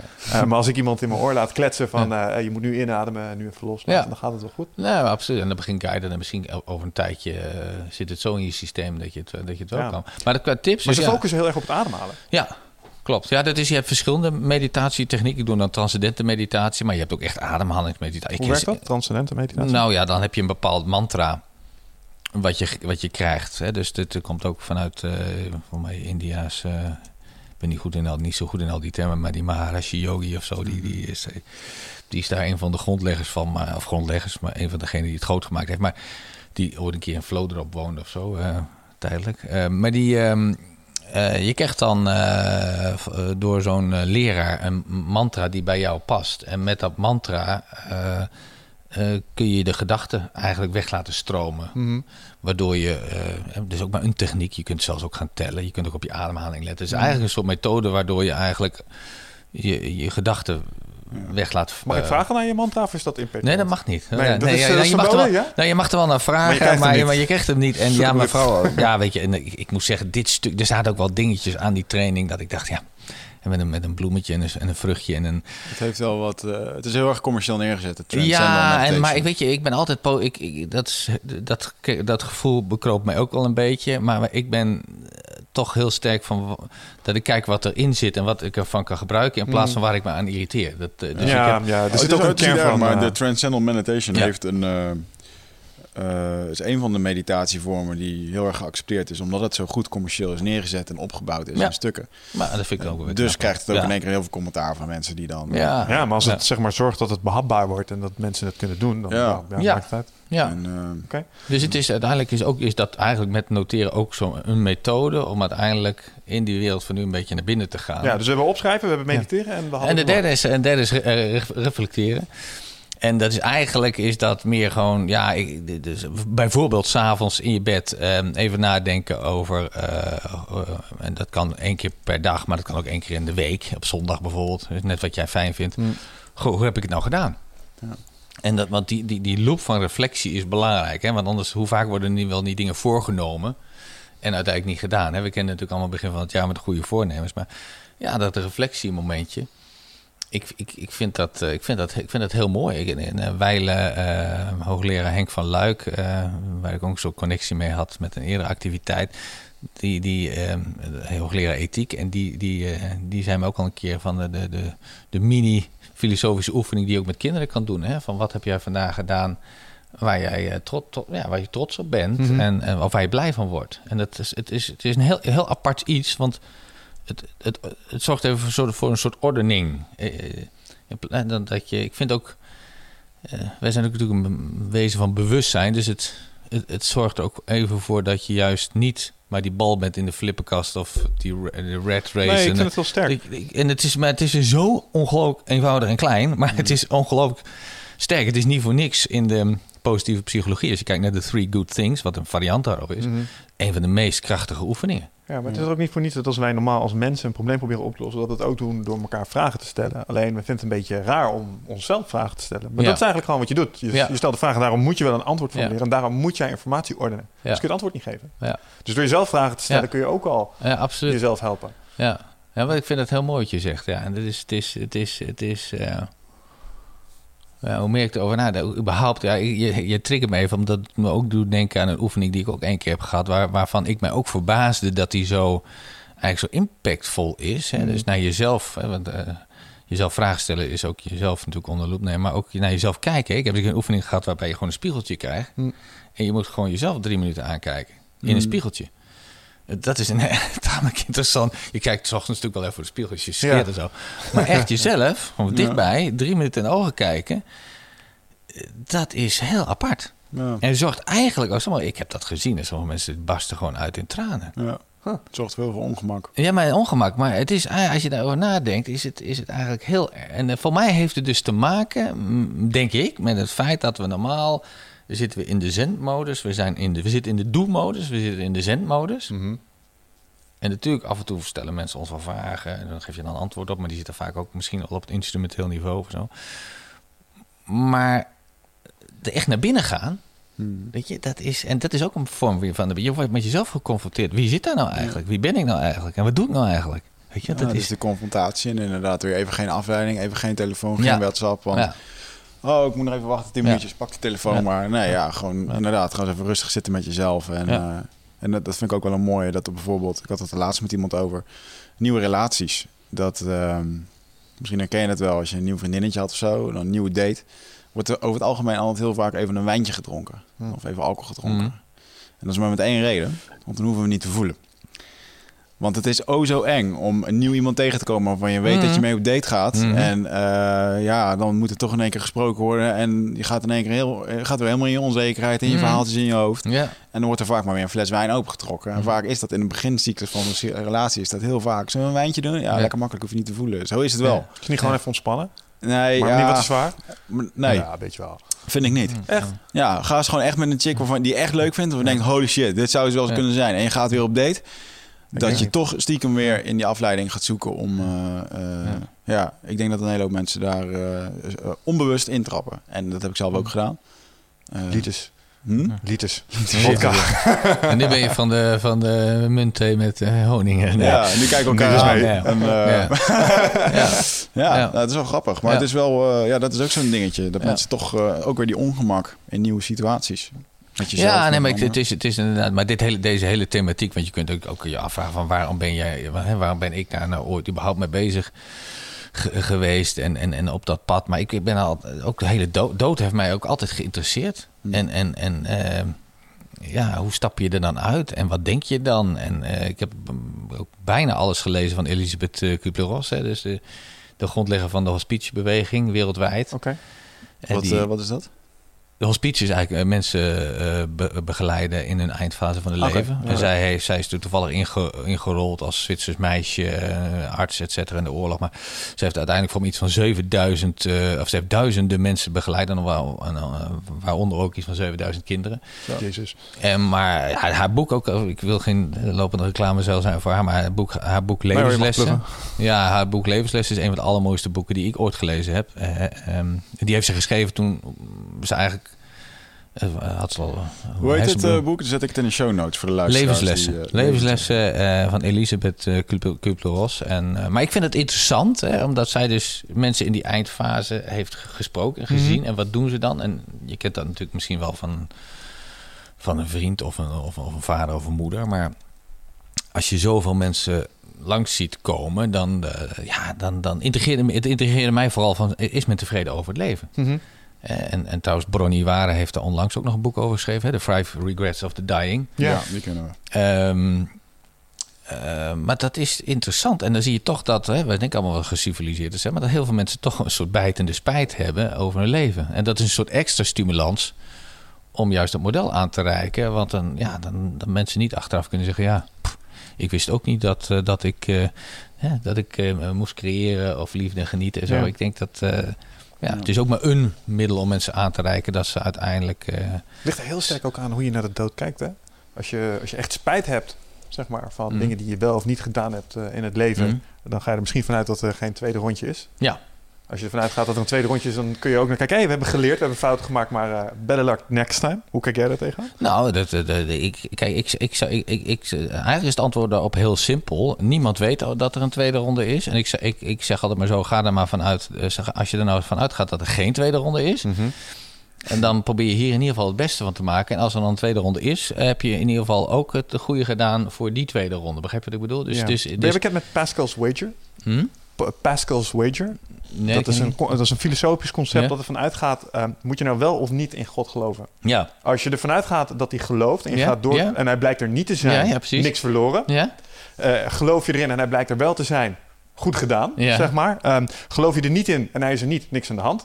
Geloof je er niet in en hij is er wel, ernstige problemen. ja. Nou, als je die vier opties hebt, wat is dan de beste keuze? Wel of niet geloven? Pascal's. Wager zegt dat je dan eigenlijk wel zou moeten geloven. Ja, maar ik denk zelf, dat is interessant. Ik denk zelf dat, want die laatste die je noemt, hè, eh, je gelooft er niet en hij blijkt er wel te zijn, ernstig probleem. Nu komt eigenlijk, het, eigenlijk is mijn overtuiging. Kijk, Ubuntu, ik heb ook met, eh, met een eh, fanatiek christen gesproken en een fanatiek, nou fanatiek, maar in ieder geval moslim. Waarom Eh, mogen we wel fanatiek um, christen zeggen, geen fanatiek moslim? Nou, net, moslim. omdat, omdat, Die heb je omdat, die, ook. omdat die ene jongen toch tamelijk fanatiek christen is en die andere niet, Oh, zo, niet, zo, ja, niet, zo fanatiek. Ja, maar lekker. ehm, eigenlijk is, eh, om lang voor kort te maken, uh, Ubuntu is een soort, is, is een soort universeel eh, model. En ik geloof er dus in dat ook als je niet gelooft, Hm. ook als je niet gelooft, en je kijkt naar uiteindelijk van waarvoor, waar, waar, waar, waartoe zijn wij hier, ja. dat je komt op een, ehm, op een levens eh, eh, Mhm. die ook in de optiek van ehm, religies goed is. Ja. Maar dit, en nu kwam het is eigenlijk, eh, dit, dit, dit, vond ik een van de interessantste. Misschien moet ik daar eens een keer vervolg op schrijven. Want uiteindelijk zijn de religieuze, eh, re- religieuze elementen in overleg met, mijn, eh, met, met de uitgever zijn er wat uitgehaald. Omdat ze zeggen, ja, weet je, de kern van het model is eigenlijk zoals je dat nu beschreven hebt. Maar Was het niet omdat het dun en glad ijs was? Nee, nee, want ik, ik ben op dat punt. heb- nee, ik ben daar Ja. niet eh, angstig voor. Ik durf dat niet ook zeggen. Nee, maar wat ik uiteindelijk heel frappant vond. Mhm. is dat beide zijden. Ja, eh Ubuntu is is eigenlijk volledig congruent met, eh, met, de, Met de filosofie? Met, met, met, met de islam en ook met. eh, eh, met christendom, hè, want dat gaat ook vanuit, de, vanuit de, die godheid moet je, moet je jezelf ontvouwen, moet je creëren. Eh, liefde, nou ja, dat hoef je niet te zeggen. Beide zit enorm veel liefde in. En ook het genieten van de creatie eh, zit er heel sterk in. Maar, zeiden ze, er is één verschil. Eh, Je moet aan, eh, bij het begin van de wedstrijd, noem maar even, eh, Mhm. een alles shirtje aantrekken. En bij de andere zeiden ze, je moet Jezus shirtje aantrekken. Oftewel, je moet kiezen voor... Ja. ehm, we hebben Eh, laatst een meneer gehad, de voorganger in de Pinkstergemeente. En die is er gewoon redelijk duidelijk in. Ja. Ehm, maar je hebt een goed leven je hebt geleid. Ja. Ehm, als je niet Jezus als Ja. de verlosser hebt geaccepteerd, is het helaas geen goed nieuws voor je aan de andere kant. Ja, ja, ja. ja. Nou ja, ik, ik zit daar toch iets... Ik, ik, ik moet zeggen, ik zelf eh, zou mij... Als ik dat op zou moeten schrijven, zou ik zeggen... Ik ben, ik ben christelijk, maar ik voel me ook heel erg aangetrokken tot, tot het boeddhisme. Ik, uiteindelijk geloof ik er gewoon in dat er iets goddelijks is. Mhm. Daar geloof ik in. En, en, en dat zie je dat maar even als een soort licht. En ik vond laatst heel mooi dat een Benedictijnse monnik die zei van ja, eh, elke religie is een soort glas in loodraampje. hè, en iedereen heeft zijn eigen motief. Hè, dus ieder heeft zijn eigen eh, gekleurd licht wat daar doorheen schijnt. Mhm. Maar daarachter zit één licht. En ehm, De zon. eh, Daar geloof, nou ja, daar, eh, het goddelijke. En daar, daar, geloof, daar geloof ik in. En daar probeer ik contact mee te maken. Maar ik denk dat, dat heel veel dingen eromheen verzonnen zijn... die mij op een of andere manier tegenstaan. En, en Mm. iemand anders zei een keer van... Hè, Je- Jezus was geen ehm, christen. Mohammed was geen moslim. Hm. En Boeddha was geen boeddhist. They were all teachers and their religion en de en their, eh, eh, eh, wat ze, wat ze, waarin ze les, les gaven was liefde. Ja. En dat, ja, daar voel ik me heel erg mee eh, verbonden. Hey eindbazenluisteraar, dankjewel dat je zit te luisteren naar deze podcast. Ik onderbreek hem eventjes voor een hele belangrijke boodschap. Of misschien liever gezegd een uitnodiging. Want op 24, 25 en 26 mei, dan is er weer een nieuwe editie van Rite of Passage. Dat is mijn retreat voor persoonlijke ontwikkeling. En speciaal voor de mensen die op zoek zijn naar, ja, naar helderheid. Of dat ze lastig bij hun gevoel kunnen komen. Dat ze moeilijke beslissingen moeten maken. En dat ze zo ontzettend in hun hoofd zitten ja, dat ze er eigenlijk gewoon niet meer goed uitkomen. Of dat ze misschien al heel lang in een, ja, een soort van oud gevoel zitten. dat ze dat gevoel willen transformeren. Of misschien wil je gewoon een oud stuk achter je laten, ergens een punt achter zetten. En ja, zoek je misschien heling op iets wat, wat je te lang hebt weggeduwd of, of hebt vermeden. Daarvoor wil ik je uitnodigen op 24, 25 en 26 mei om in een retreat mee te doen waar de inhoud van het programma geheim is. Waar de belofte is dat het oncomfortabel wordt. Want jij begrijpt als geen ander dat als je die volgende stap wilt maken, ja, dan zul je uit de comfortzone moeten komen. En ik garandeer je, laat mij dat proces begeleiden met jou voor drie dagen. En je leven zal daarna nooit meer hetzelfde zijn. Gemiddeld beoordelen de deelnemers het met een 9,2. En daar ben ik ontzettend trots op. Er is ook een money back guarantee. Heb je de drie dagen vol, volbracht en vind je het niks, krijg je gewoon je geld terug. Dus het enige risico wat er is, is dat je gelukkiger kan worden. Ik zie je Bride of Passage. Ga naar wichertmeerman.nl en klik op Retreat. Uh, ik wil wel nog een kopje koffie, ja. Ik denk dat we veel te veel, uh, veel, te veel denken in verschillen. Ja. Uh, en veel te weinig in overeenkomsten. En dat zit ook heel sterk in het Ubuntu. We zijn allemaal mens. En ehm, ik denk dat de religie is veel, veel, veel, uh, ja, op een of andere manier veel, uh, is een beetje uit de bocht gevlogen, vind ik. En dat zie je natuurlijk nu ook om je heen. Ja, nou ja, kijk, als je het historisch bekijkt, is religie natuurlijk een instrument van macht geweest. Um, wat uiteindelijk ja. Um, ja. meer op die manier is ingezet als dat nog daadwerkelijk om het gedachtegoed ging. Ja. Uh, wat erachter zat. En daar moeten we naartoe. We gaan moeten naar de kern. Waar ja. staat dat eigenlijk voor? Ja. Ja, ik denk dat als je het met individuele aanhangers van de desbetreffende religies erover zou hebben, dan zouden ze zeggen: nee, de verschillen zijn echt te groot om daar op dezelfde manier naar te kijken. Want ze kijken veel te veel naar de details, denk ik. Ik denk dat als je echt naar de kern kijkt, is het. Nou, hoewel ik me dat ook wel afvraag hoor. Want um, een belangrijke kern in het uh, uh, thema in het christendom is, um, is vergiffenis.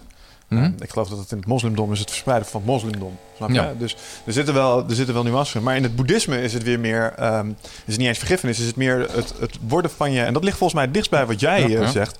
Um, het worden van je daadwerkelijke zelf. Ja. Dus het volgen van je eigen pad. Het probleem daarmee is alleen dat het, het, kijkt helemaal niet naar de wereld... waar jij het er straks over had. Hè? Je had het mm. teruggaan van ego naar, mm. naar de rest. En boeddhisme zegt eigenlijk... het gaat om jouw pad. En de orde der dingen wordt als jij je eigen pad vervult... wordt vanzelf zoals die zijn moet. Snap je? Mm. Dat sluit weer een klein ja. beetje aan bij het staat geschreven in het universum. Dus de enige ja. manier om dat wat geschreven staat in het universum te volbrengen is door jezelf volledig te worden. Dat is wat ze eigenlijk uh, ja. zeggen. Waarbij dan, ja, absoluut. Waarbij, dankjewel. Waarbij vind ik ook wel op dat punt, ook als je kijkt naar boeddhisme, enorm besef wel is dat je dus een onderdeel uitmaakt van een groter geheel. Mm. Als je Mhm. een boek van uh, de, uh, Dalai Lama en uh, Cruce heet hij van mij, die Engelse psycholoog.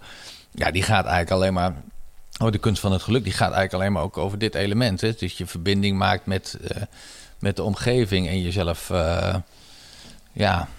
Dus daar zie je dat wereldverhaal ook heel sterk in. Het is bijna Ubuntu waar, het hele boek over gaat. Ja. Kunnen we nog even hebben over um, waar we het straks al een klein beetje over hadden. Als het ging om, uh, je had het over een jongen met uh, Down die hielp en uh, ja. zeg maar op zijn eigen manier toch aan het creëren was. Ja. Um, want dat is nog wel zijn waar ik mee worstel. Dan, dan, mag je mensen iets vertellen over volg je hart en passie. Ja. En weet je wel, ga dat soort dingen allemaal doen. En dan denk ik ook nog wel eens, ja maar niet iedereen kan ja. bekende Nederlander worden. Ja. Niet iedereen kan premier worden. Um, je hebt ook mensen nodig die gewoon de vuilnis ophalen. Je hebt ook mensen nodig die vegen. Um, gaan dan al die glorieuze verhalen ook voor hun op? Want als ik er van een afstandje dan naar kijk, dan denk ik, ja, ik weet niet of dat helemaal waar is. Ik weet niet of mensen die in de uh, vleesverwerkende industrie aan de lopende band werken, ja. of die op dezelfde manier naar het leven kunnen kijken als we het hier nu vrolijk met z'n drieën over hebben. Dat vind ik altijd moeilijk. Ja, maar daarom vind ik juist dat voorbeeld van uh, de Johnny the Bagger, zoals die officieel heet. Uh, tenminste, die term heeft hij op een gegeven moment opgeplakt gekregen. Dus waar gebeurt verhaal van die jongen met het syndroom van Down in de supermarkt in Amerika. En die jongen, die, ze draaide op een gegeven moment daar een soort klanttevredenheidsprogramma. En waar natuurlijk, de, de, ik, neem, ik neem aan, de, de, hoofd van de vleesafdeling en de hoofd van de, van de, van de et cetera. Dat waren natuurlijk dan de mensen die dat moesten op vertalen. Maar uiteindelijk ging dat programma natuurlijk over iedereen. En die jongen, mm-hmm. die was inpakker, hè, dus die pakte voor mensen de boodschappen in. Ja, die had op een gegeven moment ook zoiets van, ja, hoe kan ik daar dan aan bijdragen? En die verzon uiteindelijk zelf de uh, thought of the day. Hè? Dus hij dacht van, weet je, als ik nou eens, als ik nou eens uh, zelf uh, elke dag een thought of the day verzin. Of mij pik ik hem uit de krant. En ik, uh, en ik uh, type hem over. Mij was het in de tijd nog van voor, voor het internet. En ik knip dat uit en ik stop bij iedereen die thought, Johnny's thought of the day in de tas. Nou, dan doe ik toch ook iets voor de, voor de klanten. Maar dat werd zo'n doorslaand succes. dat iedereen wilde uiteindelijk bij Johnny in de lijn staan. En, en, en uiteindelijk heeft dat Moet je je voorstellen dat die, die supermarkt, die had zo'n klanttevredenheidsprogramma. Maar dit wat hij deed, transformeerde uiteindelijk de hele winkel. Omdat iedereen op een gegeven moment zag, en dat vond ik zelf mooi. Ik heb natuurlijk ook grote bedrijven zoals KPN en Planet. En ik kende dat soort programma's ook, hè, TQM. Maar dat, en dit was een creatie, hè? want die thought, eigenlijk was het zelfs een dagelijkse creatie. Hè? Want ik ben ook erg van de micro, hè? dus je denkt dan niet om megalomaan groot. Nee, elke, dus, eh, dit is heel, iets heel kleins. Maar het kwam, het was authentiek, het kwam uit zijn hart. Ja, en dat je daarmee dus ehm, het verschil kan maken. Dus die jongen, on- onbedoeld, die, die zal misschien wel gedacht hebben... ja, dat is toch allemaal niet voor mij. Maar doordat hij op een gegeven moment dacht van... ja, ik kan wel wat doen... Ja, hij staat nu op, op, op- dit hele verhaal staat op YouTube met eh, ik, ik weet niet hoeveel hits. Weet je, ik bedoel, dus ja, dus ik vind het mooi. de- en zo zijn er meerdere voorbeelden. Ik, ik, iemand zei laatst en die wist de naam niet meer dat, dat vroeger schijnbaar in Krasnapolski in het toilet ook een keer een toiletjuffrouw is geweest. Nou ja, een toiletjuffrouw. Die, maar die had allemaal geurtjes en dingetjes. En in ieder geval van dat feest om naar het toilet te gaan. Want die vrouw, ja, die maakte daar een feestje van. Maakte met mensen een praatje. En zo had ik bij Planet, ehm, sorry, ja, bij Planet Internet. ehm, de allereerste persoon die ik bij Phonehouse weer aannam... toen ik daar directeur, algemeen directeur werd... was de wat kantinedame. Ja, Toen denk ik een jaar of... ik weet niet of ik haar nu in, in som... ik denk dat ze toen een jaar of 55 was. omdat hij de lekkerste kroketten bakt. Nee, omdat, omdat die, nee, die geen kroketten, maar die was gewoon, eh, dat was gewoon de moeder van, Ja. van, van Planet. Mooi. En, en, en eh, weet je. En toen je en- wegging, heb je die gewoon meegenomen. Nou, bijna wel. We hebben nog steeds gast. contact. Dat zij is voor Ajax, niks voor PSV, dus we appen af en toe nog. Maar ehm, ja, gewoon heerlijk, weet je wel. En dat zit hem dus in hele kleine dingetjes. Maar daarom vind ik... Sommigen typeren namelijk... Nee, dit- het is voor uitvinders. Het is voor de creatievelingen, marketing eh, of research and development. Dat zijn de mensen die creëren. Of de echte ondernemers. Maar het begint allemaal heel klein. En Ja. Iedereen... Het is een oerelement. En je merkt ook gewoon voor jezelf... Hé, ik ben niet handig. Maar af en toe elke keer... Bij spreken, als jij een schommelstoel maakt eh, voor je kind... of je maakt iets zelf... in plaats van dat je het koopt en consumeren... is anders produceren en creatie is natuurlijk... dan voelt dat anders. Ja, ja. Het voelt anders en dat ontdekken bij jezelf, dat is, nou ja, en, en natuurlijk geldt ook hier weer allemaal vooroordelen, want de grootste vijanden van jezelf, dat kan ik niet of dat moet ik maar niet doen. Die jongens zal dat ook wel gedacht hebben van, ja, moet ik dat dan doen? En Wat zullen ze niet van me denken? En is dit wel een goede thought? Ja, gewoon doen, weet je wel. En dat Ja. is dat, dat, ja, eigenlijk zijn dit de mooiste verhalen, weet je wel. Ja. Maar ook Steve Jobs, hè, waar iedereen, als je daar weer terugkijkt naar zijn biografie, ik bedoel, voor mij ook geadapteerd. En, en, en eh, mij, waar komt hij niet vandaan? Armenië of zo, ergens. Ah, de meest eh, interessante mensen die we spreken hier in de studio, dat, eh, die hebben de grootste Ja, dingen meegemaakt. ja. Dan heb je dat? een verhaal. Nou ja, de mensen, of eigenlijk, Ja. eigenlijk de mensen die ik ken, de meest interessante Ja. mensen die je kent, Ja.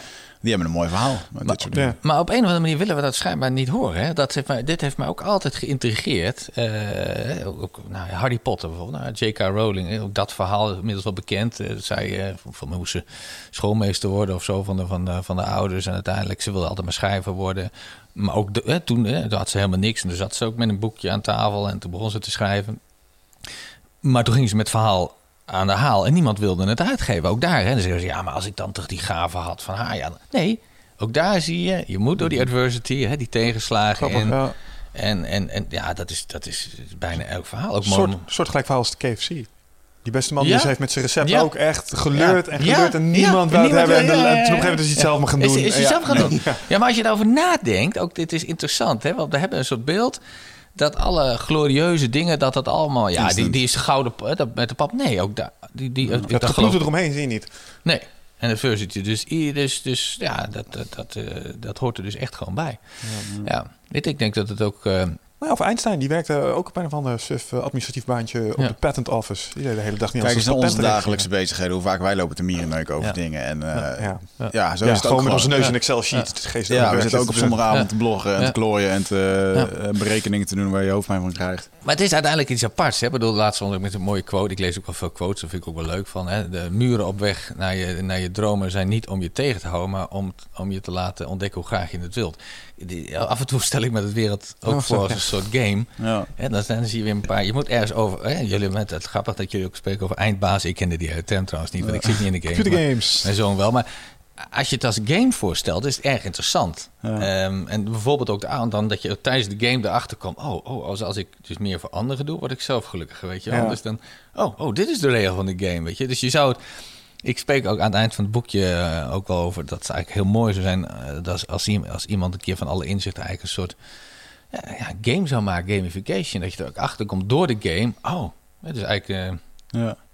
van, Ik oh, ja. zit dat zo in elkaar? Ja.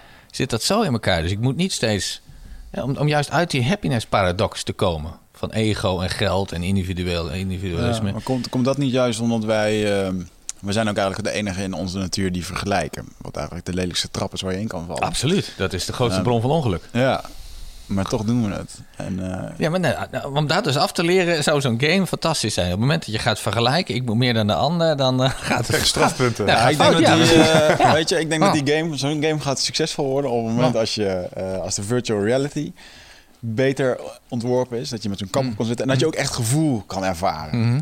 En eh, dat, het je dan, de dat je, mensheid, dat dan over in één keer echt diepe ongelukkigheid kan ervaren eh, van iets, van een bepaalde situatie. Dat je dan denkt van, oh shit. Dus dit is inderdaad, nee, dit is ook nog niet helemaal niet, eh, dit is helemaal niet wat ik wil. We hebben het hier over straffen. Dit is een Ik las strafmechanisme. laatst nog een mooie, eh eh, dit was ook een, mo- een mooi verhaal, volgens mij Indiaanse filosofie van een man die zoveel problemen had en die was zo ongelukkig en die eh, deed op een gegeven moment een gebed van joh, ik, eh, ik, ik wil, neem mijn problemen weg. En toen, eh, ik weet even niet het hele verhaal, toen mocht iedereen zijn problemen in een zak naar Mhm. de tempel brengen op Mhm. een zondag. Toen deed iedereen dat, dus iedereen zag al die problemen in die zak van elkaar.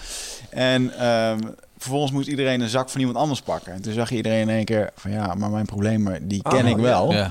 Eh, die anderen niet. Dus Ja. ik- en iedereen pakt Ja. dan toch maar weer zijn eigen Nee, ken, ja, ik, ik, ik, ken, ik ken hem van een andere. Oh, ik dacht dat de uitkomst zijn iedereen ziet dat iedereen Nee, problemen nee, heeft en daardoor... Nou ja, maar Iedereen kijk, pakte ze uiteindelijk toch zijn eigen dingetje. Die Ja. wilde niet, eh, die, eh, de, de- het gras in de tuin van de buurman was dan niet ge, groen. En ja. het is gewoon ook niet te vergelijken. Je, je Ja. kunt de pijn Ja. van de buurvrouw die haar man heel vroeg is verloren... Ja. niet vergelijken met het, eh, het kind dat onwijs wordt gepest. Het is zo'n rare... Ja, Het doet me denken aan het verhaal van Jaap Bresses. Jaap Bresses is een, een nee, ik zou willen zeggen stand-up comedian, maar dat kan niet. De beste man heeft een dwarslezing. Hij Mhm. zit in een rolstoel. En die is hier ook geweest. En hij zegt, luister, mijn leven heeft een eh, wending genomen. Mhm. Eh, daar zijn dingen in gebeurd die zijn echt niet cool. Hm? Eh, maar ik zou niet met jou willen ruilen.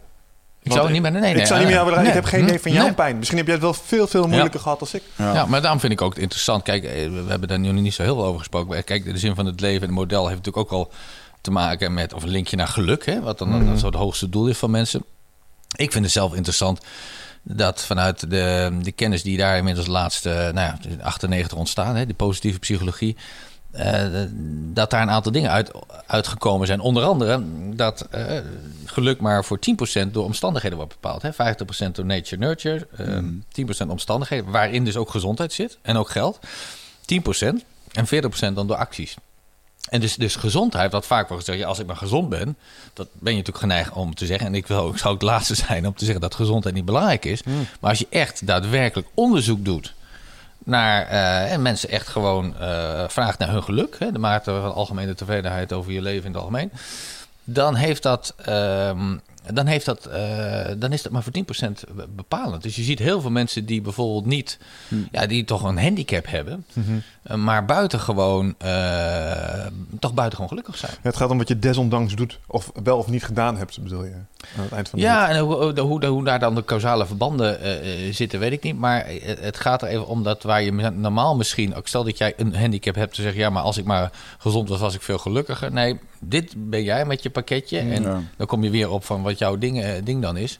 Maar ja, weet je, er zijn heel veel mensen die... eh, hoe heet die natuurkundige, die eh, Hawking... als je kijkt wat die allemaal creëert, terwijl die ALS heeft. Ja, dat is natuurlijk ongelooflijk. Ja. Ja. Kan iedereen gelukkig worden? Dat is een gemene vraag. Nou, er, ja. zit, er zit een venijnige volgvraag Nou, achter. kijk, ik, ik, ik, ik vind... ik, ik, ik denk dat... Ik, ik- ik zou zeker niet... eh, zeg maar, tekort willen doen dat sommige mensen zwaar eh, depressief eh, zijn en gewoon op een of andere manier een, ja, pakketje hebben meegekregen van joh, ik en dat bedoel ik in dit geval een mentaal pakketje van in, in hun hoofd van eh, ja, dat, dat, dat, dat gaat gewoon niet. Dus, Nou, het mentale ik- pakketje kan ook fysiek zijn. Hè? ja, Want je, je, raakt er aan waar ik heen wil. Ja, hoor. Ik zat ook aan denken. Ik, ik, ik, ehm, ik zou daar niet eh, ja op zeggen. Ik zou vervolgens wel meteen willen zeggen dat er een enorm veld ligt. Mhm. waar je wat zelf wat mee kan doen. En dat bedoel ik met die 40% acties. Hè, waar heel veel mensen nu vaak juist in de hoek zitten van... ja, weet je, dit is zo het is en ik ben niet voor het geluk geboren. Er zit een enorme chunk licht voor je. Hè, die heeft te maken met, met habit change. Hè, met eh, starten, bijvoorbeeld de dag positief starten. Met het reflecteren op wat zijn de drie mooie dingen die mij vandaag gebeurd zijn. Met geven en dankbaarheid, et cetera. Waardoor je een, een, een, ook een neuroplasticiteit creëert. Waardoor je gewoon ehm, eh, gelukkiger bent. En Ja. dat, en, en, eh, maar dat wil niet zeggen dat ik me ook voor kan stellen... dat er sommige mensen zijn ja, die, waarbij, ja, waarbij die 50% zo, zo zwaar weegt dat, ze, ehm, dat het niet lukt. Alhoewel, ik, nogmaals, eh, Seligman, Marten Seligman, de grondlegger van de positieve psychologie... wat ik heel interessant vond, is dat hij met depressieve patiënten... Mhm. ook de three good things eh, gedaan heeft. Dus s s'avonds gewoon even opschrijven... wat zijn de drie fijne dingen die mij vandaag gebeurd zijn... En dat na 30 dagen een fundamenteel verschil ontstond. Ze zaten voor mij, eh, scoorden ze allemaal. Ik ken niet die, die, die, ehm, eh, die, gra, die eh, hoe, eh, dat spectrum precies, maar ze stonden voor mij op 5. En het gemiddelde van de groep ging naar 3. En bij 84% of zoiets, in die orde van grootte, was er een verbetering opgetreden. Ja. Wat ik maar wil zeggen is dat het zelfs op, want dat ging vaak al om, over oudere mensen, hè, wat vaak wel gezegd op jongere leeftijd kun je denken, oudere mensen, depressief, heeft zo'n simpele oefening in ieder geval iets effect. Ja. Ehm, Nou, de reden dat ik het vraag is omdat ik ook welke, wel... wat is de vraag achter de Nou vraag? ja, de- ik was inderdaad, ik ben gewend om te denken in termen ook van ehm, biologische machine. Hè? Hormonale disbalansen zijn een ding. Mhm. Als je naar depressie kijkt, eh, en zonder het tekort te willen doen, maar een belangrijk deel daarvan is ook een, eh, een fysiek effect eh, Mhm. van een hormonale disbalans Mhm. in een boel gevallen. En vandaar de vraag inderdaad ook, kan iedereen gelukkig worden? Want ik denk dat inderdaad als je kijkt naar de biologische configuratie van sommige mensen, die zijn gewoon echt gebouwd om vanuit zichzelf hè, met dat genenpakket Ja. waar je het over had, gewoon neerslachtiger te zijn. Die kijken naar dezelfde situatie met een volledig andere bril. Ja, En- maar dan is het gewoon een... eh, even mooi gezegd, vind ik wel dat een, een wonder is niet meer dan een verschuiving van perceptie. ja. Want uiteindelijk wat jij net beschrijft van de wereld, eh, het is tegen mij, het lukt allemaal niet. Dan zit iemand dus volledig in de slachtofferrol Ja. en niet in zijn eigen kracht. Ja, maar doe, alles- dat doe je alsof dat een keuze is in sommige gevallen. En dat is niet altijd zo. Ik denk dat jij echt depressief bent. Het is toch een, eh, als jij zegt van joh, ik ben de slachtoffer, de wereld is tegen mij, dan is dat toch jouw mening? Ja, maar laten we even teruggaan naar Guido Wijers die zat met Mhm. zijn analogie over geluksknikkers. Die, die had een, Guido Wijers hier, die had een heel mooi verhaal. Die zegt, Ja. joh, eh, sommige mensen, Ja. eh, zeg maar jouw ervaring van de wereld is afhankelijk van de hoeveelheid geluksknikkers in je systeem. Ja. En sommige mensen, want wat gebeurt als je ecstasy-tabletje neemt? Dan gaat Ja. die hele knik, Ja, ja, ja, die hele ja, helemaal in ja. één keer rond. Ja, ja. kwamen erop. En zeggen, sommige mensen die hebben heel veel van die geluksknikkers Ja. van zichzelf, die maken het ook heel snel aan. ja. En ik denk dat als jij een persoon bent die Ja. weinig van die knikkers heeft Ja. en waar het ook niet snel wordt aangemaakt, Ja. Er zijn mensen met een chronische serotonine dip, daar ben ik me van bewust. Maar dat is vaak wel een oorzaak. En ik denk wel, eh, je zit hier ook in een systeem ehm, waarbij sommige dingen gewoon niet gestimuleerd worden. Ik heb een broer die schizofreen is, die ook, eh, of tenminste, hij is schizofreen, eh, gediagnoseerd, wat het dan ook betekent. Krijgt ook medicijnen, wordt daarvan Mhm. afhankelijk gemaakt. En zit in een systeem waarvan ik denk dat als hij in Canada op een boerderij zit en hij mag iedere dag gewoon zijn dingen doen, waar hij krijgt een paar verantwoordelijkheden en Mhm. kan denk dat zo'n jongen echt wel weer kan floreren in hetgeen wat hij doet. Mhm. Zingeving. Mhm. In plaats van slachtoffer zijn van het systeem en het gebeurt Ja. allemaal tegen mij. Ja. En ja, ik Ja, dus in die zin, ik, volg, ik, ik, ik, ik, ik, ik, ik- laat ik zo zeggen, wij, wij, wij, leven nu ook met de kennis van, nu. Hè? En ik, eh, in die zin zit ik wel een beetje in, in eh, ik begrijp wat jij zegt, maar ik zit wel een beetje in jouw Ja, kant. dat, dat, je ook, dat je ook, je moet positief blijven, vind ik, over de mogelijkheden die er A, nu mogelijk al zijn, of B, eh, die, er ook, die er ook komen. Ik vind wel dat het, het eerste stapje, want ik ken ook, ook, eh, ik ken mijn moeder, die is ook wel behoorlijk negatief. En de eerste stap die je, die je zou moeten maken bij jezelf, is dat je überhaupt eh, verandering wil. Hè? Dus dat is eigenaarschap nemen. Ja, want dat blijft natuurlijk het punt. Hè? Dat je uit die slachtofferrol komt, wat jij zegt. Maar het begint al met, oké, als dit nou iets is... wat door een aantal mensen zelfs wetenschappelijk bewezen is... als een oefening waardoor ik positiever kan worden... ja, dan, dan begint het ook met de stap dat je zegt van... oké, dat ga ik dan eens proberen. Maar nogmaals, als jij al ingaat die wedstrijd met... het gaat toch niet lukken, dan krijg je het, eh, het placebo-effect... dan gaat het ook niet lukken. Ik Dus- ben heel benieuwd wat het, wat het mechaniek Ja. is wat hier onder de streep naar onder ligt. Is het het feit dat je rationeel beter snapt dat het ook wel goed gaat? Of gaat er gewoon echt iets gebeuren in je hoofd waardoor je die dingen opschrijft, waardoor je meer serotonineknikkers gaat aanmaken? Omdat er een beloningssysteem afgaat of zo? Ja. Ja. Nou, het is het interessant om te weten. Ja, wat het is, en ik, moet- absoluut. Want ik bedoel, ehm, op dit vlak, ik zag, ik ben even naar Erik Schoppen, heet hij van mij, in Groningen. die, eh, die hersenstudies doet. Hè. Je noemt serotonine en van mij zijn het inderdaad uh, endorfine, dopamine, serotonine, oxytocine. Die Mhm. vier die hebben een link met iets wat te maken heeft met genot tot en met een diepzalig geluk. Ja. Dus dat interesseert mij zeer. Kijk, het, het, het, het begint sowieso met de, met, met, met, met, eh, met de constatering dat dit een gebied is waar, je, waar, waar in ieder geval nog heel veel te ontdekken is en waar, waar je een bepaalde actie op kan zetten. Dat vind ik, Ja. dat vind ik, al, dat vind ik al nieuw. En eh, ook naar bedrijven toe, hè, de, met Multiple Happiness doen wij dat nu ook. Dat bedrijven, ik zeg, oh, is dit nou een onderdeel waar je daadwerkelijk eh, wat mee kunt, waar je mensen positiever mee kan maken. Ja, ik dat- geloof dat als jij eh, snapt hoe zeg maar, hormonale interacties een beetje met elkaar invloed hebben op bijvoorbeeld jouw perceptie van Ja. de wereld, Mhm. dat jij inderdaad een aantal acties kunt bedenken die er echt eh, die ervoor zorgen Ja. dat jij anders naar dingen gaat kijken. Een mooi voorbeeld is bijvoorbeeld ehm, krachttraining. Mhm. Of dingen doen die Mhm. je de testosteronproductie verhogen. Mhm. Er is een aantoonbare eh, zeg maar, ehm, eh, zeg maar correlatie tussen, ja. dat hoeft niet causatie te zijn, maar in ieder geval tussen krachttraining en ervaren motivatie en zeg maar Mm. uitstelgedrag overwinnen. Omdat door je krachttraining genereer jij meer te testosteron, wat Mhm. ook wel het leiderschapshormoon wordt genoemd. Mhm. En dat zet jou gewoon in momenten waar je normaal zou terugvallen in twijfel. Ehm, zet het jou gewoon tot actie aan. Dus door in de gym te gaan staan knallen, kun je soms op moeilijke momenten kun je je comfortzone makkelijker uit. En wat jij aan het doen bent, is onder het motorkap je hormonale balans aan het manipuleren. En dus eigenlijk indirect die geluksknikkers. Dus vandaar mijn vraag weer, joh, in hoeverre kun je gelukkig worden als je... Ja. Ja, nou, ik denk, ik denk het wel. Nou, die, over die knik, ik denk wel dat je gelukkig kunt worden. Of iedereen gelukkig kan zijn. Maar goed, ik vind, eh, dat, dat, dat weet ik niet. Dat is misschien dan eh, daar focus leggen. Of, eh, of ook het laatste schaapje inderdaad dan gelukkig kan zijn. Maar wat ik veel belangrijk vind, is dat al die honderdduizend andere schapen... of genoeg, zo weet ik wat... dat die een heel stap kunnen maken in hun geluk... Ja. door hiermee bezig te zijn. Dat vind, ik vind dat... al- Het, het heeft mij, eh, de, de- met name de laatste jaren... Dus naar wat de positieve psychologie ben ik pas de laatste twee jaar... eh, verder in gaan verdiepen... En daar zijn ook een paar interessante boeken over. Maar ja, dat, dat, dat van, daar vielen mij de schellen van, eh, van de ogen. Ik denk, wauw, als je kijkt hoe op een relatief eenvoudige manier ehm, je jezelf ehm, extra kansen kunt geven. Nou, want dat geeft naar positiviteit. En positieve mensen denken over mogelijkheden, toekomst en wij in plaats van ik, verleden en problemen. Ja. Eh, Door, door je gedachten te veranderen. Nou, dat vind ik. Dat vind ik eh, en ook bepaalde ja, uitkomsten van onderzoekjes, die vind ik. eh, eentje, eentje van is misschien erg leuk om te vertellen. Die, waarvan ik ook dacht van wauw, weet je wel. Ik bedoel, een van de onderzoekjes die ze gedaan hebben is een telefooncel. En er, er zat een muntje in. Mhm. Of die onderzoeker stopte er een muntje in. Dus uit de tijd van de telefooncel, moet je nagaan hoe oud. En eh, mensen die, die liepen daar dus binnen en die, die wilden dus telefoneren. En, som- en dus eh, een, groep van 100, zeg maar even, eh, statistisch gezien, die vond een muntje en de andere groep van 100 niet. Dus het was puur at random. En eh, op het moment dat zij de telefooncel uitliepen, dan liep er ook een acteur met papier. Die liet het papier op de grond vallen. Van degene die eh, geen muntje vond, hielp 4%, dus 1 op de 25, hielp de man met zijn papier. Mhm. Van degene die een muntje vond, 88%. Dus niet 8, niet Oké. 18, niet 28. Nee, 20 keer zoveel. Bizar. En als, je, betekent- nee, maar als je dit even tot je door laat dringen, wat dit nou eigenlijk is, en ik kan nog meer voorbeelden noemen.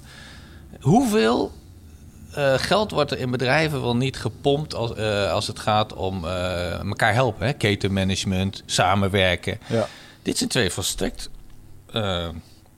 mensen die elkaar niet eens kennen. Die werken helemaal niet met elkaar samen. Het zijn passanten. Mhm. En de een helpt de ander. Volledig zonder enige, eh, weet je, eh. Verbindenis. Ja. Dus als je mensen positief stimuleert... en ze hebben het, nou ja, een andere bizar voorbeeld is met artsen... die een diagnose moeten stellen tijdens een studie.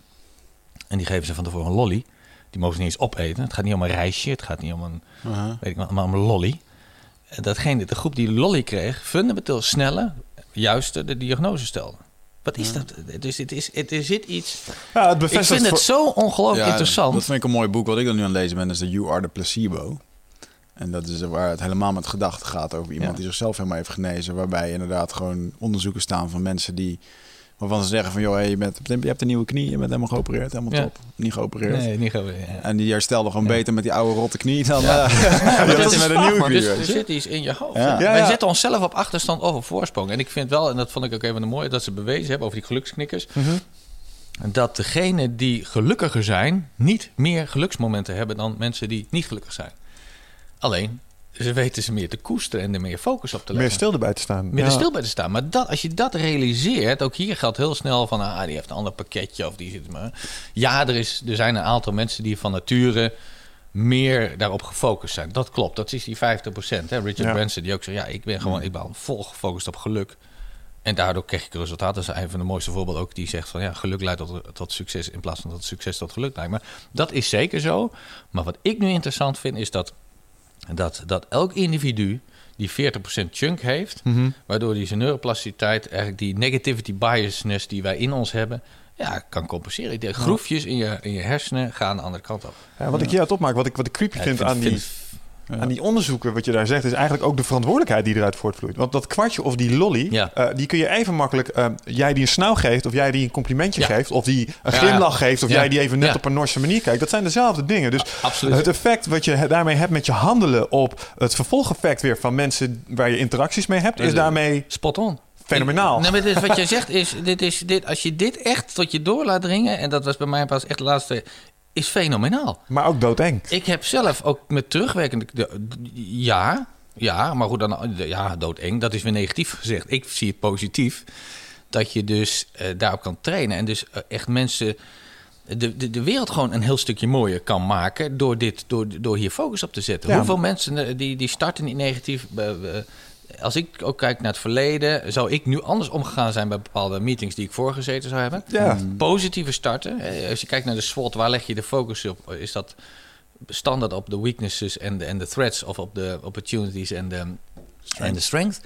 Waar leg je de focus op? Maar ook de hele priming. Hè? Dus ze hebben nu ook bewezen, ook Amerika, als je een meeting positief start of als je eh, kinderen, als je die positief dus dag laat starten, wat van impact dat heeft op Ja, de, op de wonder- leren ja, starten. hoor. Ja. Ja, dan is dat, is dat, eh, het is ook niet zo raar. Maar dat is ook wat ik bedoel. Maar Als dat ik is ook zeg, dat is, micromanagement Het is het micro, ja, micromanagement, maar het is eigenlijk, het is eigenlijk vind je vind, vinden jullie het nou niet vreemd? Ja, het is Wat het- ik zelfs vreemd vind is, we zijn geciviliseerd, we willen allemaal gelukkig zijn, et cetera. Die positieve psychologie is er al sinds 1998. Dit is echt low-hanging fruit, vind ik. Dat we daar geen gebruik van maken, ik vind het echt. Maar het wordt je niet geleerd op school. Dat, nee, is het dat hele is ook punt. het punt. En het klinkt bijna Ja. te makkelijk om te kunnen werken. Het is een open Ja. deur. Ja. Snap je? Ja. Dus met een heleboel Ja, time management en effectiviteit dingen is dat ook. Dan vertel je mensen Ja. dingen. Dan denken ze, ja, dit wist ik eigenlijk al lang. Ja. Waarom doe je het dan Ja. niet? Ja, want, ja, dus Ja, weer, maar de, weer de happiness paradox, hè? Maar ik we het willen ook- het wel, maar we doen het eens een keer. Er is ook een, eh, een stukje dat. ehm hoorde ik laatst een Engelse coach over. Dat de prijs van eh, bewustwording is verantwoordelijkheid. Dus op het moment dat jij in één keer ergens achterkomt. Van, eh, hè, bijvoorbeeld, en dat vind ik een goede bijvoorbeeld met mensen die roken. Eh, wees je er echt bewust van wat het met je lichaam doet. Dan krijg je vervolgens de verantwoordelijkheid om de actie te, op te ondernemen. Dan kan je twee dingen doen. Dan kan je het gewoon door blijven doen en eh, lekker blijven roken. En eh, ik, het komt wel goed. Mhm. Dan neem je dus geen eigenaarschap over jouw eigen leven. Eh, maar je kan ook de verantwoording nemen van... oké, ik moet ermee stoppen. En dan komt er in één keer een verantwoording bij... dat je echt actie moet gaan ondernemen. Mhm. Dan komen we weer tot een Ja. volgende stuk inderdaad. Ja, ja. En dat betekent dus ook van... ja, dat zijn dus de mensen die... hij beschrijft dat dan mooi in vier, vier verschillende soorten van bewustzijn. En de eerste, dat is tegen mij. Mhm. Het slachtofferrol. Ja. Het- ik kan er niks aan doen. Het gebeurt mij Ja. altijd, de situatie. En dan, nou goed, dat hebben we net uitgebreid besproken. De volgende is eh, door mij. Dat betekent dat je op... eh, zit langs het water en eh, je wil eigenlijk naar de overkant. Ja, de overkant komt niet vanzelf. Je moet gaan zwemmen. Ja. Is wel heel vermoeiend. Kan je een tijdje volhouden. En, maar ja, goed, het gebeurt dan wel. En dat is ook dat acties uitkomen. En dan heb je daarboven weer een volgend eh, stukje bewustzijn. En dat is ehm, het stukje dat het door jou komt. Of via, zeg ik dat nog goed? Ja. Volgens mij door. ja, ik denk twee was er misschien. via drie. volgens mij is de derde door mij. Ja. Eh, dus dat het echt uit een geloofsovertuiging komt. Ja. Alleen een geloofsovertuiging is ook weer heel erg gevaarlijk. Want als ik een geloofsovertuiging heb en ik kijk naar mijn omgeving... en Michel zegt, ja weer, dat idee zegt helemaal flut. Het gaat niet werken. Dan, Gebeurt vaak eh, dan heb je twee kantjes. Dan heb je eh, twijfel, wat er in één keer bij komt. Mhm. En ja, dan kan dat zomaar in één keer... dat geloof kan omslaan in, in een stukje eh, bewustzijn daaronder. Ja. En wat daarboven zit, is het stukje dat het echt eh, door jou heen gaat. Mhm. Eh, zeg ik het niet meer goed? Ja. Je drie keer door, maar ik denk dat... Welk boek was dat- Ik weet niet, man. Ik moet, het, even, ik moet het weer eens een keertje Ja. zoeken bij elkaar. Anyway, in ieder geval, en dat gaat Ja. ervoor dat je die eenheid voelt waar jij het zo straks Ja. over had. Ja. Dus dat alles is één en Ja. dat het gewoon... eh, Ja. Dan is het geen geloven meer, maar dan is het vertrouwen. Ja. Ja, absoluut. Omdat je dus, ja, omdat eigenlijk vertrouwen, omdat er een soort weten en een soort natuur is om je heen die eh, toch wel eh, goed, die, die, die dat toch als jij je over hebt, een, de, het goede, Ja. goede, goede, en goede durven vertrouwen. En ik merk Ja. ook wel steeds meer in het afgelopen jaar heb ik dat ook meer proberen te doen. Van oké. eh, en ook door eh, antwoorden, te, antwoorden te vinden in je meditatie. Die daar gewoon. eh, komt toch vaak wel uit. Als ik dat dan zo. als ik zit te mediteren en ik zit over bepaalde stukken na te denken. Eh, en dan kan ik ook weer naar mezelf kijken. Jongen, je loopt er weer echt een ontzettend mooi verhaal van te maken. Waarin je jezelf heel erg belangrijk maakt. Ja. Eh, en daardoor komt er al meer gekkigheid. En het, het is niet de kern waar het hier om draait. En dat is wel heel makkelijk. Als, je, als ik dan nu kijk waar ik me een half jaar geleden druk over maakte. Dan zit ik nu op dit punt. Pff, ik heb me weer een half jaar lopen stressen hoor. Was niet nodig geweest.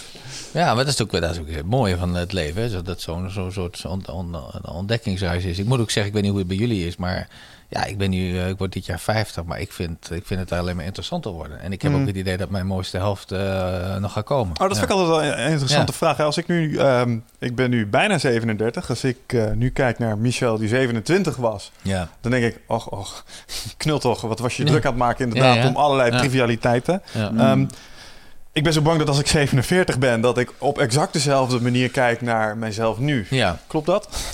Nou ja, ik weet niet hoe, ik weet natuurlijk jou, jou niet, maar als ik kijk naar mezelf, dan... ehm, Dan gaat het voor jou op, bedoel ik daarmee. Ja, dan, dan, dan, dan is het wel zo dat je... eh, je noemde op het begin eh, jou- jouw eh, drie punten weg. Hè? Wijsheid Mhm. stond er ook bij. Ja, met name doordat je, doordat je naar jezelf gekeken hebt. Wat heb ik gedaan? Wat is er uitgekomen? En zelf gevoeld, wat doet dat met mij? Maar ook naar ja, heel veel, toch ook wel veel le- lezen. En ik vind dat wel heel mooi wat er allemaal al door andere mensen bedacht is. En qua inzichten. Ehm, ja, dan plaats je jezelf wel in, in eh, met uh, terugwerkende kracht. Ik goh, dat is interessant. Maar ik geloof er ook wel in dat eh, ik, als je nou dan ook zegt, goh, heb je dan spijt van dingen? Nee, dat, heeft, dat pad was, was, was, was, goed. En ik heb daar veel eh, van geleerd. Het pad paste bij mij. En het is wel zo, maar dat is lastig te zeggen... dat als ik die keuze van die eh, swap nou niet gemaakt had nu... Mhm. ja, ja, dan was het wel denk ik heel anders met mij nu, denk ik. Dat weet ik wel zeker. Dat voel ik. Ja. Ja, ja dan was ik eh, of ziek geworden, of weet ik, of oh ja, ik weet, ik weet niet waar je in gelooft, maar eruit geplukt van ja, jongens, deze heeft, jongens heeft het niet begrepen. Deze Nou is ja. gefaald in het spelletje van nou het leven. ja, ja, ik bedoel, als je zoveel signalen krijgt, ik weet niet van wie van jullie het boek van eh, Ontdekking van de Hemel gelezen heeft, maar ik vind, die, vind het zo mooi dat die engelen dan tegen tegen elkaar praten, ook hè, van Harry Mulisch. En die, die, die, die van boven naar beneden kijken ze dan van, nou ja, weet je, hij heeft het nog niet begrepen. We geven hem nog een signaal, ja, ja, weet je wel. Dat is bijna weer die gamification. Ik vind het altijd wel grappig om het zo voor te stellen. Maar ja, in die zin kijk maar is het ook niet zo? Want kijk, dat is ook een hele, een hele mooie methode trouwens om problemen voor jezelf op te lossen. Hè? Ehm, door eh, eigenlijk zo af en toe eens even vanuit de positie van de engeltjes eh, op een wolkje te zitten en even te kijken naar wat je nou in godsnaam aan het doen bent. En daar eigenlijk gewoon even objectief over te reflecteren. Zo van, ja, is hij nou eigenlijk het juist aan het doen? Of nou, hij zit zich weer heerlijk druk te maken. Maar ik van een schat is het ook. Hè? Weet Ja, je wel? Van, ja, precies. Maar maakt hij zich toch druk Ja, eh, maar dat... manier? Ja, Omens noemen ze dat. Omens. Omens. De Romeinen noemen dat een, een omen, een voorteken. ja, Maar dat voorteken is voor mij niks anders dan een bepaald onderbuikgevoel. Over iets wat ik bijvoorbeeld een half jaar geleden dacht. Over bepaalde acties die ik zou gaan doen. En waarvan ik nu denk van ja, ja dat was dan Hm. toch wel zo. ja. Oh zo, dat je, dat je zeg maar nudges een bepaalde ja, kant op wat jij het over die, die knipoog van het universum. Ja. Ja. Weet je, dat is het gewoon, Ja. jongen. Nomen is omen. Ja, ik, ik, eh, ik, ik, ik, ik, ik vind ook op die manier alleen al de, de, de, de, de, de vaardigheid om dat, om dat te doen wat wij als mensen natuurlijk hebben. Hè? Want Mhm. we hebben dat bewustzijn. Dat vind ik, al, vind ik al heel goed. En dat je er af en toe ook met een beetje... Ja, en Alpé noemt dat de, metapositie volgens mij. Dat je ja, even precies. op afstand Ja, naar jezelf dat kan is kijken. Heel goed, dat is heel goed. En dat je jezelf dan ook af en toe even tot de orde roept van... joh, weet je, doe eens even normaal. En je maakt jezelf ook niet, zo, niet te interessant. Maar wat is het toch in, in ons gedrag? Ja. Want dat, dat, dat probeer Ja. ik ook wel eens. En dan, dan neem ik me een paar dingen met de grootste stelligheid voor. Zeg Ja. maar die wijze stem die dan achter Ja. je hoofd zit. Nou, Mies, deze keer gaan we het Ja. zo, zo, zo, zo doen. Maar dan toch als het eventjes spannend wordt... eh, dat, dat je jezelf weer ziet wegdraven. En dat je weer iets ziet doen Dat is je denkt natuurlijk gedrag, hè? dat zit in je habit. Dat is jouw konijnenpaardje. Mm. En daarom zijn die, eh, zijn die gedragsveranderingen ook zo belangrijk. En daarom vervallen mensen überhaupt vaak weer in oud gedrag. Ja. Zeker als het gaat om, om, om, om zaken als roken en andere dingen. Dat, dat- omdat dat ook nog een keer verslavend is. Maar ja, dat... ehm, ja, het punt wat je noemt met verantwoordelijkheid. Het is, het is uiteindelijk op een gegeven moment wat ik wel wel een bepaalde thematiek vind, en die geldt voor. Eigenlijk speelt eigenlijk door de, de- door de afgelopen anderhalf eh, uur. eh, met heel veel dingetjes, of dan gaat het over dit, of uh, slachtofferrol.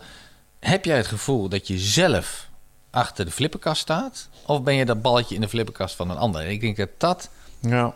en dat heeft te maken met die verantwoordelijkheid. Nee, ik kan zelf mijn leven invulling geven. Ja. En heel veel mensen hebben toch het idee, en dat wordt. ja, Dat heeft ook te maken met al die systemen waar we in zitten. Een schoolsysteem en dan in een bedrijf waarin je dingen moet. En eh, dan vervolgens ook nog in een sociaal systeem. Je moet naar de kinderverjaardag van die en die. Je moet naar tv kijken. Je Ja.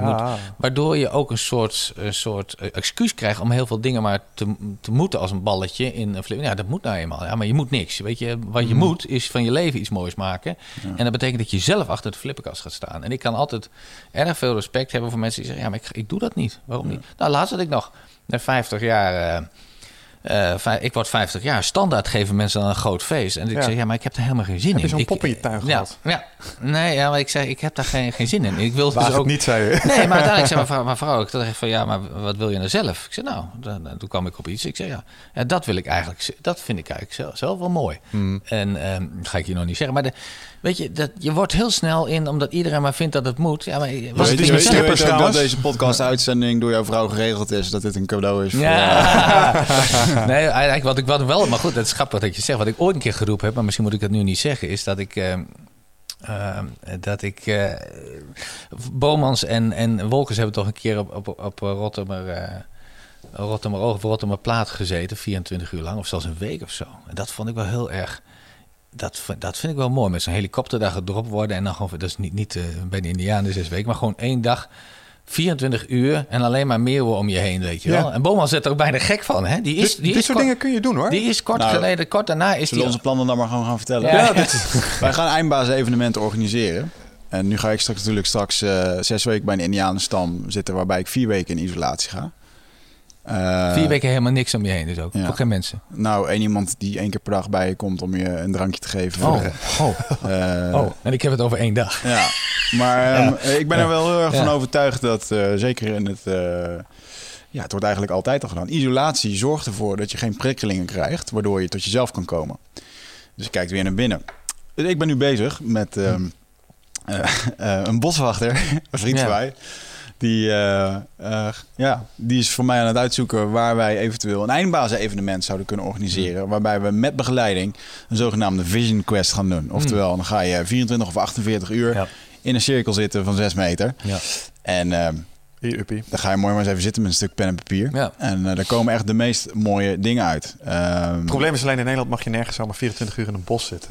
nou, dat, Nee, dat mag wel, maar het is meer ook dat ze niet gestoord wordt. En dat Ja. zijn nog wel de moeilijke plekken. Dus, Ja. Maar ik heb nu toevallig vorige week een mail gekregen dat die plekken er zijn. Ja. Dus op het moment Ja. als ik eh, terug ben, dan gaan we dit wel Ja. een keer plannen. Nou, dat is heel eh, goed. Dat is heel goed. Zo doet ook de, de, de, die groep voor Young Leadership of zo. Voor mij mede voortgekomen uit het Jaworski, eh wat hij ook, hè, de eh, leadership program. Maar goed, in essentie is, die, die gaan naar Afrika en die doen dat inderdaad ook. Laat zetten mensen, droppen ze ergens op een, een of andere rots. En daar zitten ze dan volgens mij eh, twee, drie dagen. En ja, het is Ja. hetzelfde verhaal waar we het eerder over hadden. Je, je maakt je reis naar binnen en Ja. ja, je krijgt een aantal sigaretten. Je komt even los van die enorme stroom waar je hierin zit. Ja, Ik maak nu wel de afspraak met je dat als we dat gaan doen, dan krijg je dit voor je 50ste verjaardag. ja, ja. Wil je dan dat- meekomen? eh, ja, Kom nou maar. ja, absoluut. Ja, ik, ben, ik, ik vind dit, eh, ja, ja, dat doe Oké, ik. Ja, nou, vind ik mooi. Vind Ja, mooi. dat Ja. is echt een lach. eh, ik heb het al helemaal uitgewerkt hoe we dat gaan doen. Komt Ja. er begeleiding bij ook daarna als je Ja. eruit komt, hoe je dat je... Ja. Heb je hem ook verteld dat hij een portie truffels krijgt? Ja, Nee, ja. dat niet. Dat, dat is, eh, Chocolade, dat is- truffels of dat is, de, dat is de, de volgende fase. Maar eh, Ja. laat het eerst dit maar even doen. Nee, eh. maar dat is heel goed. Ik vind het dat is heel goed. In die zin zou je kunnen zeggen, dat, eigenlijk triggert mij dit ook wel, zou je kunnen zeggen dat, dat wij ook op een of andere manier, eh, we, vinden ons misschien wel enorm bevoorrecht met wat er afgelopen honderd jaar hier gebeurd is met de ontwikkeling. Maar eigenlijk staan we op achterstand ten opzichte van heel veel Ja. nou ja, groepen die, die ja, zijn Afrika of India en die Indianen. Want we hebben, wij zijn, we hebben zoveel afleiding. De moderne mens in vergelijking met de jager-verzamelaar is een zwakkeling. Die gasten, dat waren een soort Rambo's. Die waren gewoon in staat om te overleven, konden jagen, wisten alles over kruiden, over dingen maken. Ja. Ehm, zet één van ons in Ja. het bos Ja. en eh, red je maar Ja. een week. Dat Ja. gaat niet goed. Nee, maar het is, wij zijn de bocht uitgevlogen. Wat Dippel, eh, die haal ik ook nog aan in het boek. Wat Dippel 1968, bijna onbekend iemand. Maar ik, ik, ik heb het he- herinnerd. Die zei ook van, ja, het is eigenlijk heel raar. Als je kijkt naar de ontwikkeling. Hè. Eh, hij noemde dan bijna een beetje Maslowiaans de arbeid van de eerste, tweede en derde soort. Eerste soort is om in je levensbehoeften te voorzien. Tweede soort sociaal, drie zeg maar, zingeving. Hij zegt, ja, door de industriële revolutie hebben we, hoeven we zoveel minder tijd te besteden aan arbeid van de eerste soort. In plaats van dat we die nou besteden aan eh, liefde en zingeving, ja, eh, zijn we helemaal de, de, de, de bocht uitgevlogen richting uh, de hele consument, consument, consument- en amusementsmaatschappij. Mhm. Ja. En dat is, eh, dat is eigenlijk eh, ja, misschien wel de hele oorzaak van die happiness paradox. We zijn gewoon verslaafd geraakt aan iets wat ons helemaal niet gelukkig maakt. Ja, of we, we krijgen iets opgelegd waarvan iedereen verwacht dat je eraan conformeert. Hè, wat je net zei, zeg maar, je wordt eigenlijk vanaf je jeugd aan eh, een soort van aan je haren door je ego meegesleept door die uh, Maslow behoeftehiërarchie heen. Mhm. Hè, gewoon de bovenste treden in, totdat je op een gegeven moment ergens net onder zelfontplooiing zit. Want dan heb je je opleiding, dan heb je Ja. je baan, dan heb je je partner. Want dat wordt van je verwacht. En dan kijk je eens om je heen en dan bekruip je dat gevoel van, nou, is dit het dan? En dan moet je dat sprongetje naar zelfontplooiing maken. En als je dat in Nederland doet, dan krijg je heel snel, doe het maar normaal. Ja, ik hoorde Ja, maar het- je hoort het- op dit punt, ik, ik, twee, twee dingen. Jij noemde net een interessante weer dat je zegt van tijdens opleiding wordt het nog niet eh, gedaan. Ik vind daar ligt zeker een grote kans. Alhoewel eh, er een aantal mensen nu zijn die initiatief hebben voor gelukslessen op school. Hè. Station, hè? eh, Mirjam ja. Spithover Ja, bijvoorbeeld. Mirjam Spittel, daar ben ik een grote fan van. Ik Ja. ken haar, eh, dat is grappig. We zitten samen bij Ader. We zitten samen met hetzelfde Ah, doe, het- coachingsnetwerk. doe, We doe, kennen- doe, ja. doe het goed. Nou, jij was haar tip aan mij. Ah, Mirjam is fantastisch. Ja. Mirjam is fantastisch. Ook zo'n authentiek, eh, authentiek persoon. Nee, maar ook zelfs op basisscholen. Clara de Boer. eh, die geeft. eh, dus er gebeurt op dat vlak gebeurt er al, gebe- gebeurt er al wel, wel wat. Nou, ik ben ook, weet je, in de educatie zoals een podcast of dingen. De wereld ligt Ja. aan je voeten met alle educatie. Ja. En ik, dat is ook de reden waarom in één keer eh, in sommige landen in één keer een opstand komt. Omdat ze denken van, hé, hey, ergens anders kan het anders. Ja, nou ja, dat is, dat, en dat is twee wat ik wilde zeggen. Dat je eigenlijk de nieuwe generatie hebt. Want je zegt van ja, we, die, de- daar, laatst heeft iemand ook in mijn boekje over geschreven. hè, De Generation Z of I of zo. Ja, die zitten al anders in. Hè? Die, toen, toen ik eh, van school afkwam, was het toch allemaal zo werken, werken, werken. En geld verdienen. En als je dat wat minder leuk vindt, joh, niet, niet zeuren. Ja, tegenwoordig die nieuwe generatie, joh, die, die, eh, die wil eigenlijk, die is al veel meer in balans bij de start. Die wil... ehm, die wil ook echt iets doen wat bij hem past. En ja, weet je, hoezo, hoezo eh, gaan we dat op die manier doen? Hè, dus ook dat hele standaard machtsverhaal en ik ben hier de baas. jij Dat is, er is nog steeds een hiërarchie, maar dat is al wel wat anders hoor. En ook met, met ehm, de, de, dat zit, dat, de- je komt niet meer weg. Daarom geloof ik ook in dat bedrijven van de toekomst die succesvol zijn, die moeten langs de as van eh, eh, purpose en positivity geschoeid worden, want anders hou je de mensen niet Ja, vast. Ik zie een aantal organisaties nu van binnen die precies met dat vraagstuk worstelen. Enerzijds moeten ze zeg maar, hun, hun steeds groter wordende organisatie moeten ze een kant op sturen. Dan Ja. neig je al richting de klassieke hiërarchische aansturingsmodellen. Ja. Maar de, de, zeg maar, de generatie, eh, de, zeg maar, tussen, eh, jeugd die Ja. zeg maar, in je geleden zit, Ja. die pikt dat niet. Nee. En die gaat gewoon shoppen naar kleinere bedrijven. Want ze weten toch dat de arbeidsmarkt eh, in hun voordeel is. Spot on. Ja. Zo is het. Zo is het. En je moet dus ook een ander, eh, je moet dus ook wat anders gaan doen om die mensen bij je te houden of eventueel ook weer aan te trekken. Ja. Ja, en daar zie je ze Ja. heel erg mee worstelen. dat is heel ja, moeilijk. Ja, ja. En, dat is, eh, en voor mij ligt, ligt de, de, de, de oplossing ligt dus langs die twee assen van purpose en positivity. Hmm. Je moet zelf weer sowieso aansprekend zijn met waar je voor staat. Hè? De hele why, hè? de gedachte, Simon Sinek, et cetera. Dus eh, ja, een beetje triviaal, maar dat komt er toch wel op neer. Hè? Dat, dat, mm, die nieuwe generatie wil erg graag onderdeel zijn van iets waar, waar, waar het ook ergens om gaat. Ehm, en dat hoeft niet per se sociaal zweverig te zijn. Dat mag ook gewoon. Zijn een fantastisch eh, product neerzetten. Hè. Google kan een fantastische why hebben. Hè. Internet Ja. ontsluit aan de wereld. Dus het mag ook nog wel commercieel zijn. En twee, ja, ook positief, po- eh, positief zijn. Die willen, die willen niet meer eh, gestuurd worden vanuit wantrouwen. Hè. Dus men, men, eh, allemaal wantrouwen, maar vanuit vertrouwen. Die willen ehm, dat er gekeken wordt naar wat ze wel hebben in plaats van wat ze niet hebben. Hè. Dus talent in plaats van, ja, jij kan dan dat niet. Ja, maar wat, heb, wat breng je nou wel mee? Dus ook positief en negatief. En überhaupt een cultuur hebben van positiviteit. Ja. Dat men... Dat men ja, weet je, ik, ik, ik- dat men ook in, in, in, in, een review van dingetjes ook kijkt van wat, wat gaat er goed. Maar dat zit diep in ons hoor. We hadden het er net al over. Maar als een kind thuis komt met rapport, ik weet niet of een, of een van jullie al kinderen heeft, maar ja, dan kijken we toch naar Maar de ik heb vroeger zelf ook een rapport ja, gehad. we dus kijken toch naar de wel hoe 4 het en zit, 5 en de 8 en de 9 die erop staat. Dat is klassiek. Kijken we naar wat slecht gaat en Ja. niet wat heel goed gaat. Ah, wat we hier willen zeggen is dat als jij eh, zeg maar een, eh, een richting wil geven aan je leven, is dat je mooi dat je de rapportanalogie aan had. Geef nou voor de, ga nou voor de grap eens dingen doen die je eh, zeg maar maak nou eens van je 7 en 8 en 9 en 10 Ja. in plaats van je 4 5 oplossen naar zesjes. Ja. En zoek mensen om je heen die dat veel beter kunnen. Ja, absoluut. Dat is de kern. Dat is, dat is, dat is, ook dit is zo'n eenvoudig, maar zo ongelooflijk ja, zo belangrijk. Toch heb ik daar een vraag Ja. over. Als het gaat om dat moderne bedrijfsleven. Hè? Want ik heb zelf ook een, eh, eh, een club met mensen aan mogen sturen. En een van de dingen waar ik dan nog wel eens tegen aanliep... was dat we bijvoorbeeld projecten hadden en deadlines. En er moest Mhm. een bepaalde effort worden gepleegd door het team. Mhm. Dat ik kon zien dat de bepaalde gasten gewoon beduidend minder... eh, echte productieve effort aan het plegen waren. En bijvoorbeeld op het internet aan het kutten waren. Mhm. En wat ik dan eh, behoorlijk snel de neiging had... is om in controle te vervallen en te zeggen... Hey, doe Ja. Ik heb letterlijk een keer iemand met zijn rug van de muur weggehaald... en met zijn rug naar de groep toegezet... Ja. zodat we konden zien wat er op zijn monitor ging. Ja. Als je zegt stuur op vertrouwen... nou, dat was het, vanuit dat model het minst goede wat ik kon doen, denk ik ik. denk dat de, de, de kern, ja, dat zou je zeggen, maar op een gegeven moment kan dat ook nog een maatregel zijn om. Maar de, de, sta- de start begint gewoon met gewoon iemand, iemand, iemand aanspreken op, eh, op, wa- op waarom dat hij nou in de groep zit en eh, of die hoe, hoe gemotiveerd is. Want je ziet ook vaak wel of iemand.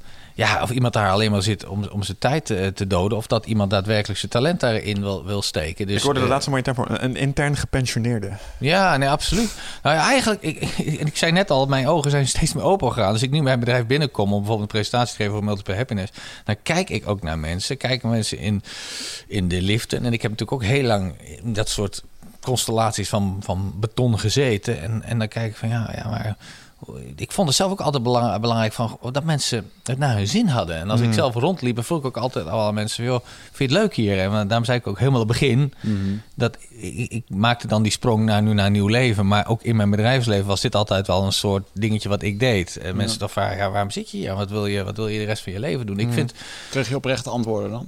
nou, als je echt met mensen gewoon, als je echt, eh, als ze merken dat jij gewoon ehm, dat niet vraagt omdat je directeur bent, maar gewoon als collega.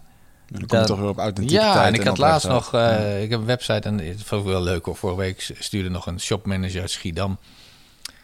Eh, die stuurde een eh, berichtje erop. Die had mij ge- gezocht en een heel verhaal over hoe hij mij ervaren had vroeger. Maar hij zei ook, ja, als jij binnenkwam, hij, hij deed wat in muziek. Dan voel ik wel altijd veel, hoe is het met de muziek? En niet van hoe is het met de omzetcijfers en dat soort dingen. En ik, eh, ja, ik vind het van wel, omdat ik weet dat als die jongen, eh, heel veel mensen deden zo'n shopmanagersfunctie of zo'n shopmedewerkersfunctie, eh, dat was een soort, soms ook een bijbaan dat als die mensen goed in hun vel zaten, dan hebben ze positieve energie. En dat merken de klanten ook. Ja, en ja. ik, eh, dus dat is vaak de, de, de, de, de, de, de- start, denk ik, naar zo iemand toe. Als je vanuit controle en maatregelen en straffen zit, ja, je kunt beter maar kijken van, joh, vind je het hier nog leuk? Of waar- waarom vind je het niet leuk? Misschien verpast die hele persoon helemaal niet in de groep. Misschien heeft hij wel trouwens überhaupt een internetverslaving, dat weet ik niet. Maar als je op, ik heb zelf het gevoel altijd, als je oprecht geïnteresseerd raakt in een persoon, Mhm. dan maak je een soort klik en dan denk je, hé, hey, wat doe je? En dan hebben ze ook enorm veel goodwill. En dan kom je bijna weer op die theaterpersoon waarvan je zegt, ja, dat publiek wil mij laten slagen. En dan zeg je, ja, maar eigenlijk wil ik, die, de kun je veel goed wel dus zeggen, ik wil ook dat het hier slaagt. En dat die deadline wordt gehaald. Ja. Ja. ja. Dan krijg je, je krijgt die, de, we moeten, de mindset wordt anders. Ja, ja. Dat is... eh, Hoe eh, Ja. begeleid je begeleiden met eh, bedrijven met zeg maar ehm, langs die nou ja, rand heen eh, zeg maar navigeren? Daar help jij bedrijven mee als ik Nou ja, dat is, dat, is, eh, dat, is, dat, is, dat is hetgene waar ik eigenlijk nu het meeste eh, tijd eh insteek. Samen met eh, Giel van der Linden, dat is mijn eh compaan in Multiple Happiness. Hij is überhaupt de bedenker van Happy We. Eh, eh, wij richten ons dus inderdaad op, ehm, op mensen en ook medewerkers eh, positiever in het leven te zetten. Eh, wat eigenlijk pionier is. Hè, want geluk is natuurlijk inmiddels een hot, hot, hot item. En er zijn heel veel ehm, er zijn heel veel eh, dingetjes, bijvoorbeeld nu ook al op meting op gebied van geluk. Daar zitten wij niet in. Wij zitten daadwerkelijk in amplifying. We willen, willen het verbeteren. En eh, nee, dankjewel. Het is nu te veel suiker. De, en die, ehm, eh, wat wij dus nu aan het doen zijn in deze zomer, maken nu de laatste eh, eh, fase. Eigenlijk is ons hele verhaal gebaseerd op vier dingen. Daar kom ik straks op terug. Eén, geluk leidt tot succes. Nou, dat Ja. is inmiddels bewezen. Positivity is de shortcut eh, to happiness. Hè? Dus de, de, de, de, binnenbocht naar geluk. Positiviteit is te trainen. En daarbij geldt ook nog eens een keer positiviteit of geluk vermenigvuldigt zich als je het deelt. Nou, die laatste twee eh, elementen die zijn gebakken in onze oplossing. We hebben een app en een dashboard. En een app, eh, waarmee, wat doe je daarmee? Er zit een trainingsprogramma in van 30 dagen met eenvoudige opdrachten. Die jou eh, dus eigenlijk in die 30 dagen ehm, neuropl- neuroplastisch zeg maar, eh, verandert. Hè? Dus Het dat, wordt eigenlijk geherprogrammeerd. ja, en het heeft allemaal te maken met heel eenvoudig dankbaarheid, eh, posi- het positieve zien, vriendelijkheid en geven. Er zitten hele kleine, simpele dingetjes in. Ehm, Zoals natuurlijk ook eh, het nadenken over ja, wat, wat ook in je lichaam. Hè? Wat, wat, wat, wat, wat functioneert. Je bent nu, eh, wat is het, 37. Denk eens na over je, over je lichaam. Welke drie delen van je lichaam eh, doen het eigenlijk al 37 jaar goed en geven nooit geen pijntjes? Als je daar, dat klinkt heel stom, maar als je daarover nadenkt, ja, ja verdomd, daar ben ik eigenlijk heel dankbaar voor. Ik heb nooit last, geen last van mijn voeten of van mijn, of van mijn mond. Of Weet je wat ik daarmee heb met RSI? Ja. Ik zie zoveel mensen om me heen die ook uit ICT komen. Allemaal RSI-klachten. Ja, ja. Ik zit in de meest creatieve houdingen achter mijn laptop soms. En ik heb nergens Nou, maar als je van. daar realiseert, hoe dankbaar je daarmee dus, dus dat soort simpele oefeningen, 30 dagen lang. En daarbij geldt ook dat je dus groepjes creëert. Hè. Dus in bedrijven is dat je eigen team. Het kan ook zijn familie, et cetera. En dat als je een, geluks, dat je, eh, dat als je een geluksmoment hebt... Hè, je daarbij, eh, je daarbij eh, realiseert dat je geluksmoment hebt... dat je die vastlegt en deelt met anderen... waardoor, ze, waardoor zij weer kunnen... eh, ja, daar gelukkig van worden. Want geluk, eh, Albert Schweitzer, geluk is het enige wat zich vermenigvuldigt als je het deelt. En er zit nu ook een heel puntensysteem in, want mensen willen toch ja, reward hebben. Hè, net zoals likes op Facebook, Facebook. Hoeveel mensen heb ik nu gelukkig gemaakt? Dus wij gaan dat weg. Onze missie is eh, Multiply Happiness Worldwide. We willen, de wereld gelukkiger maken. Hè, dus dat is resources die er is, alleen we moeten hem zien en vermenigvuldigen. En we gaan hem daadwerkelijk ook meten. Hm. Eh, en de bedrijven krijgen dus ook een simpel dashboard. Die gaan, zien hun positivity ratio. Dat is eigenlijk, eh, als je dus een moment update, zijn smileys eh, met, met een weenie aan de ene kant 1 en, en, en 5 is de meest lach, lachende smiley. Nou, de top 2 gedeelte, de onderste twee, dat zorgt voor een positivity ratio. Hm.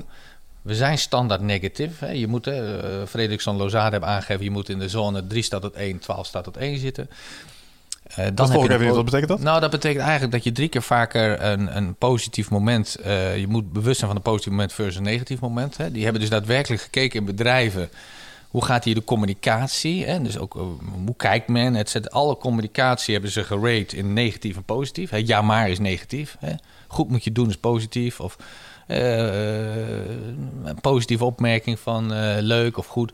Nou, eh, en ze hebben dus gekeken naar de performance van Ja. die bedrijven bijvoorbeeld. Het kan een winkel zijn, et cetera. En mm, eh, als je onder de drie staat het één. Dus een duidelijke correlatie, laat ik het heel simpel zeggen, tussen de, de positivity ratio, hè, dus positief versus negatief, en de performance. Ja. Ook niet zo dat het in het oneindige zit, want anders krijg je een soort raar uh, Emil Ratelband-achtig eh, Happy de Peppy eh, show. Nee, hè, dus er staat Maar waarschuwer is gewoon een, is ook een rol in je Eh, team. absoluut, Heb je ook nodig. Absoluut. Dus, eh, maar daadwerkelijk, hè, wat ik net al zei, de focus leggen op kansen en opportunities. En s- eh, sterken in plaats van dat kan jij niet. Weet je wel, Ja. dat is slecht. Eh, rapport bespreken. Ach, dus, eh, en daar kun je dus op meten. Dus aan de hand van die updates rolt er automatisch een dashboard uit. Waardoor bedrijven kunnen zien. Afgelopen week automatisch, hoe zat ik met, mijn, met mijn positiviteitsbatterij? Hmm. en die 3 tot batterij. 1 is zeg maar voor elke eh één keer zeg maar een rotopmerking heb je drie positieve nodig. Moet Ja, je hebt, ja, ja, ja, klopt. Je hebt en wat- Oh, hier, kwantificeer je iets wat ik een tijdje thuis al constateer. Ik kan namelijk ik kan een paar keer iets aardigs zeggen, maar ik hoef maar één keer iets negatiefs te zeggen over een outfit. En dat Ja. is hetgene wat bekleeft in principe. Ja, Dus daar moet ik dan drie complimenten tegenover Ja, nou zetten. ja, het is heel goed dat je dat zegt. Hè? Want als je het visualiseert in bolletjes. Hè? Dit, is, dit is een grote eh, stroopwafel. Dat wij maken, dat is negatief. Wij zijn Ja. negativity bias. Dat komt door onze overleving. Hè? En Mhm. dan kan de sabeltandtijger uit het bosje komen. Hè? Dus we moeten vanuit onze natuur weten wat er allemaal fout kan gaan. zijn. Ja. Ja, gevaren. Eh, Dus we maken die negatieve maken we groot en de positieve maken we klein. En Ja. door die training ga je die positieve, eh, ja, die ga je groter zien. En je, je gaat ze ook überhaupt meer zien. Want het geldt ook heel veel simpel. Eh, we kunnen wel zeggen, ja nee, dit is standaard een positieve of negatieve. Maar de glas half vol half leeg. Ja. De een ziet hem als half vol en de ander ziet hem als half leeg. Ja. En dat is ook een training dat je zegt, ja verdomme, ik, heb het eigenlijk wel goed. Of dit is eigenlijk iets goeds. Ja. En we Ja, weten het is ook dus mogelijk om de gas die als half leeg te zien echt te leren dat het wel degelijk half vol ja, is. op een gegeven ja, ja, dat, dat, ah, absoluut. Absoluut. Abso, absoluut. Als je dat echt daadwerkelijk... Dit geeft dat- hoop. Ja. En ook met die positie. En er zit ook een po- eh, de, de positiviteitsquotes zitten er ook in. Hè? Mark Verhees, ik weet het zou ook leuk zijn om hem een keer uit te nodigen. Hij heeft inmiddels meer dan 300.000 volgers op Facebook. Gewoon gestart met positiviteitsquotes. En heeft inmiddels, eh, nou ja, dat is nu zijn werk geworden. Eh, en de kracht daarvan is gigantisch. Als jij start, hè, priming is dat in de grondverf zetten. Als je Ja. start met iets positiefs in de dag. De andere ook wel, ik weet niet hoe die Indianen dat zien, maar, maar de, de eerste 10 minuten van je dag bepalen eigenlijk van een heel belangrijk gedeelte je dag. Wat doe je de eerste 10 minuten? Eh, ben je dan bezig met. eh, ik, ik heb mezelf nu inmiddels aangeleerd, want ik was ook wel. pff, eh, ik, ben, ik, ik, ik val ook heel vaak op mijn snuffert en ik doe heel veel dingen verkeerd. Maar een van de dingen die ik me onlangs heb aangeleerd, we hebben een mooie veranda. Ja, vroeger pakte ik mijn broodje en mijn thee en dan ging ik direct wel achter de computer zitten. Nu ga ik echt eerst op de veranda zitten en denk ik, ja, maar dit, dit is eigenlijk zo mooi. Dit moet ik gewoon elke keer doen. En ik doe het nu elke keer. Hmm.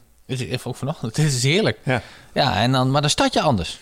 Ja, Ja. ik heb dat wel met mijn verschil in mijn vorige relatie en nu. is Dat de vorige was allemaal haasten, haasten en eh, nooit echt ontbijten met elkaar. En nu zijn we zijn altijd ondernemer. De vorige trouwens ook.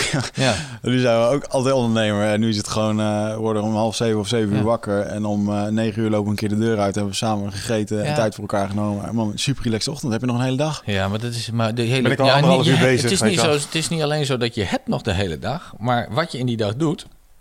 Ja, dat is Ehm, natuurlijk, het was geen verspilling. Het, het- Het is- als je het zo zegt, klinkt het bijna alsof je tijd hebt weggegooid. Maar je hebt geen tijd weggegooid. Nee, natuurlijk. en Je moet- Heb je tijd weggegooid? Ik heb geen tijd weggegooid. Nee, zeker niet. Ik bedoel, heb Nee, je zo- dag is al begonnen. Nee, ja. Het is gewoon ja, zonder maar wij, noemen het, dan heb je 's ochtends al een hele dag met elkaar gehad. Ja, lekker absoluut. kunnen klooien Ja. en ouwe Ja, en absoluut. lekker eten en douchen Ja. en prima. Maar daar helpen we dus bedrijven mee. Hè. De, de, de- bij bedrijven werkt het op een licentiebasis. En we willen uiteindelijk natuurlijk ook eh, wereldwijd. En, en voor, en voor eh, particulieren is het een gift to the world. Is het gratis. Happy we. Maar het is echt pionieren. Hè. Ik noem Giel ook. Giel is echt de bedenker. Die heeft dus die hele 30 dagen oefenprogramma ook gemaakt. Ja, hij is echt een soort eh, alchemist van geluk. Professor Zonnebloem. Hij is ook wat ouder. Ja, 62 jaar in, in, in Limburg. En ja, dat is fantastisch. Die leeft ook al helemaal zo. En Leuk. dat is, dat is, eh, ja, dat is een genot. En, en ehm, ja, wij zitten er ook niet primair in eh, meer om het geld, want dat is, dat is secundair. Hè? Dus dat sommige bedrijven zeggen, ik wil er meteen voor het hele bedrijf zeggen, niet doen. Huh? Eerst gewoon klein beginnen, Ja. weet je. En eh, ja, dit is... eh, ja, Big maar- Bang implementaties werken nou ja, maar het is, ook, het, is ook echt, het is ook uitvinden. Het is ook echt een kwestie van samen ontdekken hoe het, eh, wat straks het, het, het beste werkt. Maar ik vind het... eh, Maar voor, Ja. voor de luisteraars die nu denken... of Ja, ik, ik, Ja. zit, het- ik zit het nu mooi te praten voor mezelf. Ik denk dan nu... eh, je zegt van het geld is secundair. Heb je dan nu zo voldoende middelen dat je dit gewoon kan doen... zodat het gewoon leuk blijft? Of is het gewoon zo dat jullie bedrijf niet is toegespitst... om eh, gelijk eh, onderste uit de kant te halen? Nou, eigenlijk, eh, beide sowieso heb, heb ik in ieder geval... Kijk, het is een kwestie ook altijd van wat is genoeg geld. Maar ik, ik hoef... als ik zuinig aandoe, hoef ik bij wijze van spreken niet meer te werken.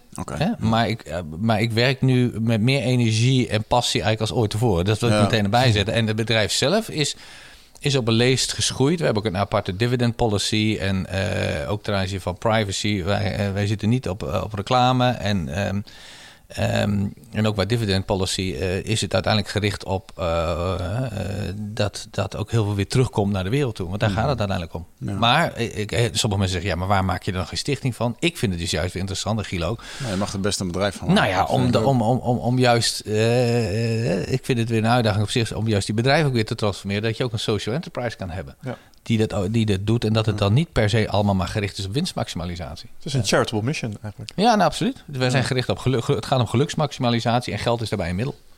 Maar ik denk dat je het ook heel goed aanpakt om het als een bedrijf te zien. Want dan ga je heel andere stappen nemen dan als je als een stichting in Ja. de ontvangende modus gaat halen. Ja, Ja. minder vrijblijvend. Ja, Zo, ja, precies. En dat is precies die. Ja, ja. Maar Ja, en dat- als die 40% toch in actie veel zit, mensen dan moeilijk zit je er Oh maar je hebt Ja. geluk en Nee, bewustzijn, je nee. mag geen geld vragen. Nee, bullshit. ja, Weet je? zo is het. Ja, mooi. Gaaf. Cool man. Ja, Ik eh, vind je, ehm, het valt me op dat ik, eh, eh, dat ik je heel erg oprecht vind. Eh, en ik, ik zat me een beetje te denken van, dat had ik ook met Paul Smit toen hij hier zat. Dat was ook zo eentje die gewoon, Mhm. eh, gewoon zit en praat. En, eh Geloof er ja, ik gewoon weet niet, grappig.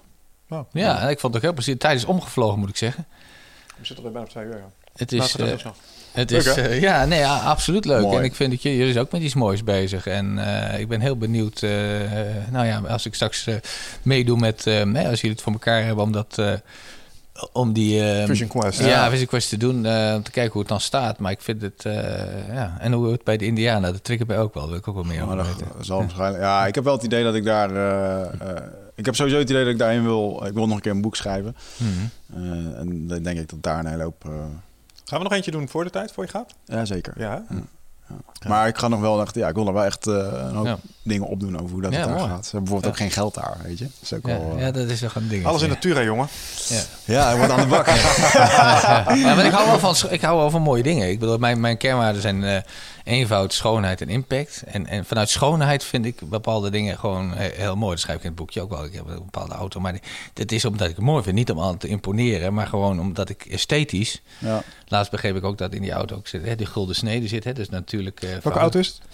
Eh, het is een Aston Martin. Ah. V12. En ehm, ja, maar die vormen, dus dat die natuurlijke vormen daarin ook terugkomen. Dat De gouden ratio die Michelangelo en uh, Leonardo de ook in al 1, die kunstwerken De gebruiken. 1618, absoluut. Ja, die ook in de natuur heel Het veel. is gewoon ik Ja, maar het is ge- geometrie. Dat Ja. is het. Daarom het aan. Sacred geometry komt Sacred geometry.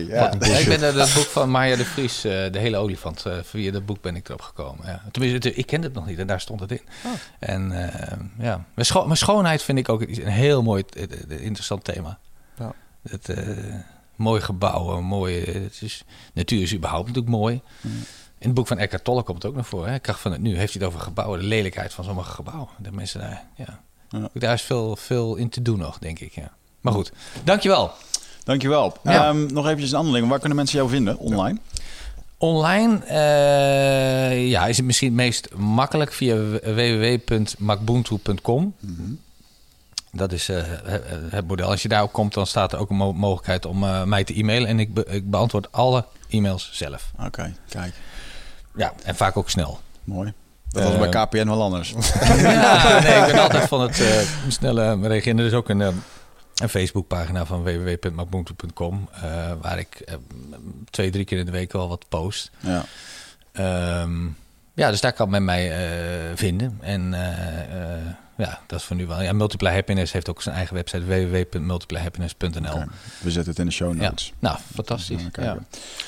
Oké, ehm, wij gaan jou zo meteen nog even twee eh, geheime vragen stellen. Of voor de- onze unieke content. Degene die een e-mailadres achterlaten bij ons op de website, die krijgen daar toegang toe. Dus eh, je kan nog twee filoso- filosofische levensvragen verwachten zo meteen. En eh, ja, luisteraars, dankjewel voor het luisteren. Tot de volgende keer. Merci. Tot Ciao. ziens.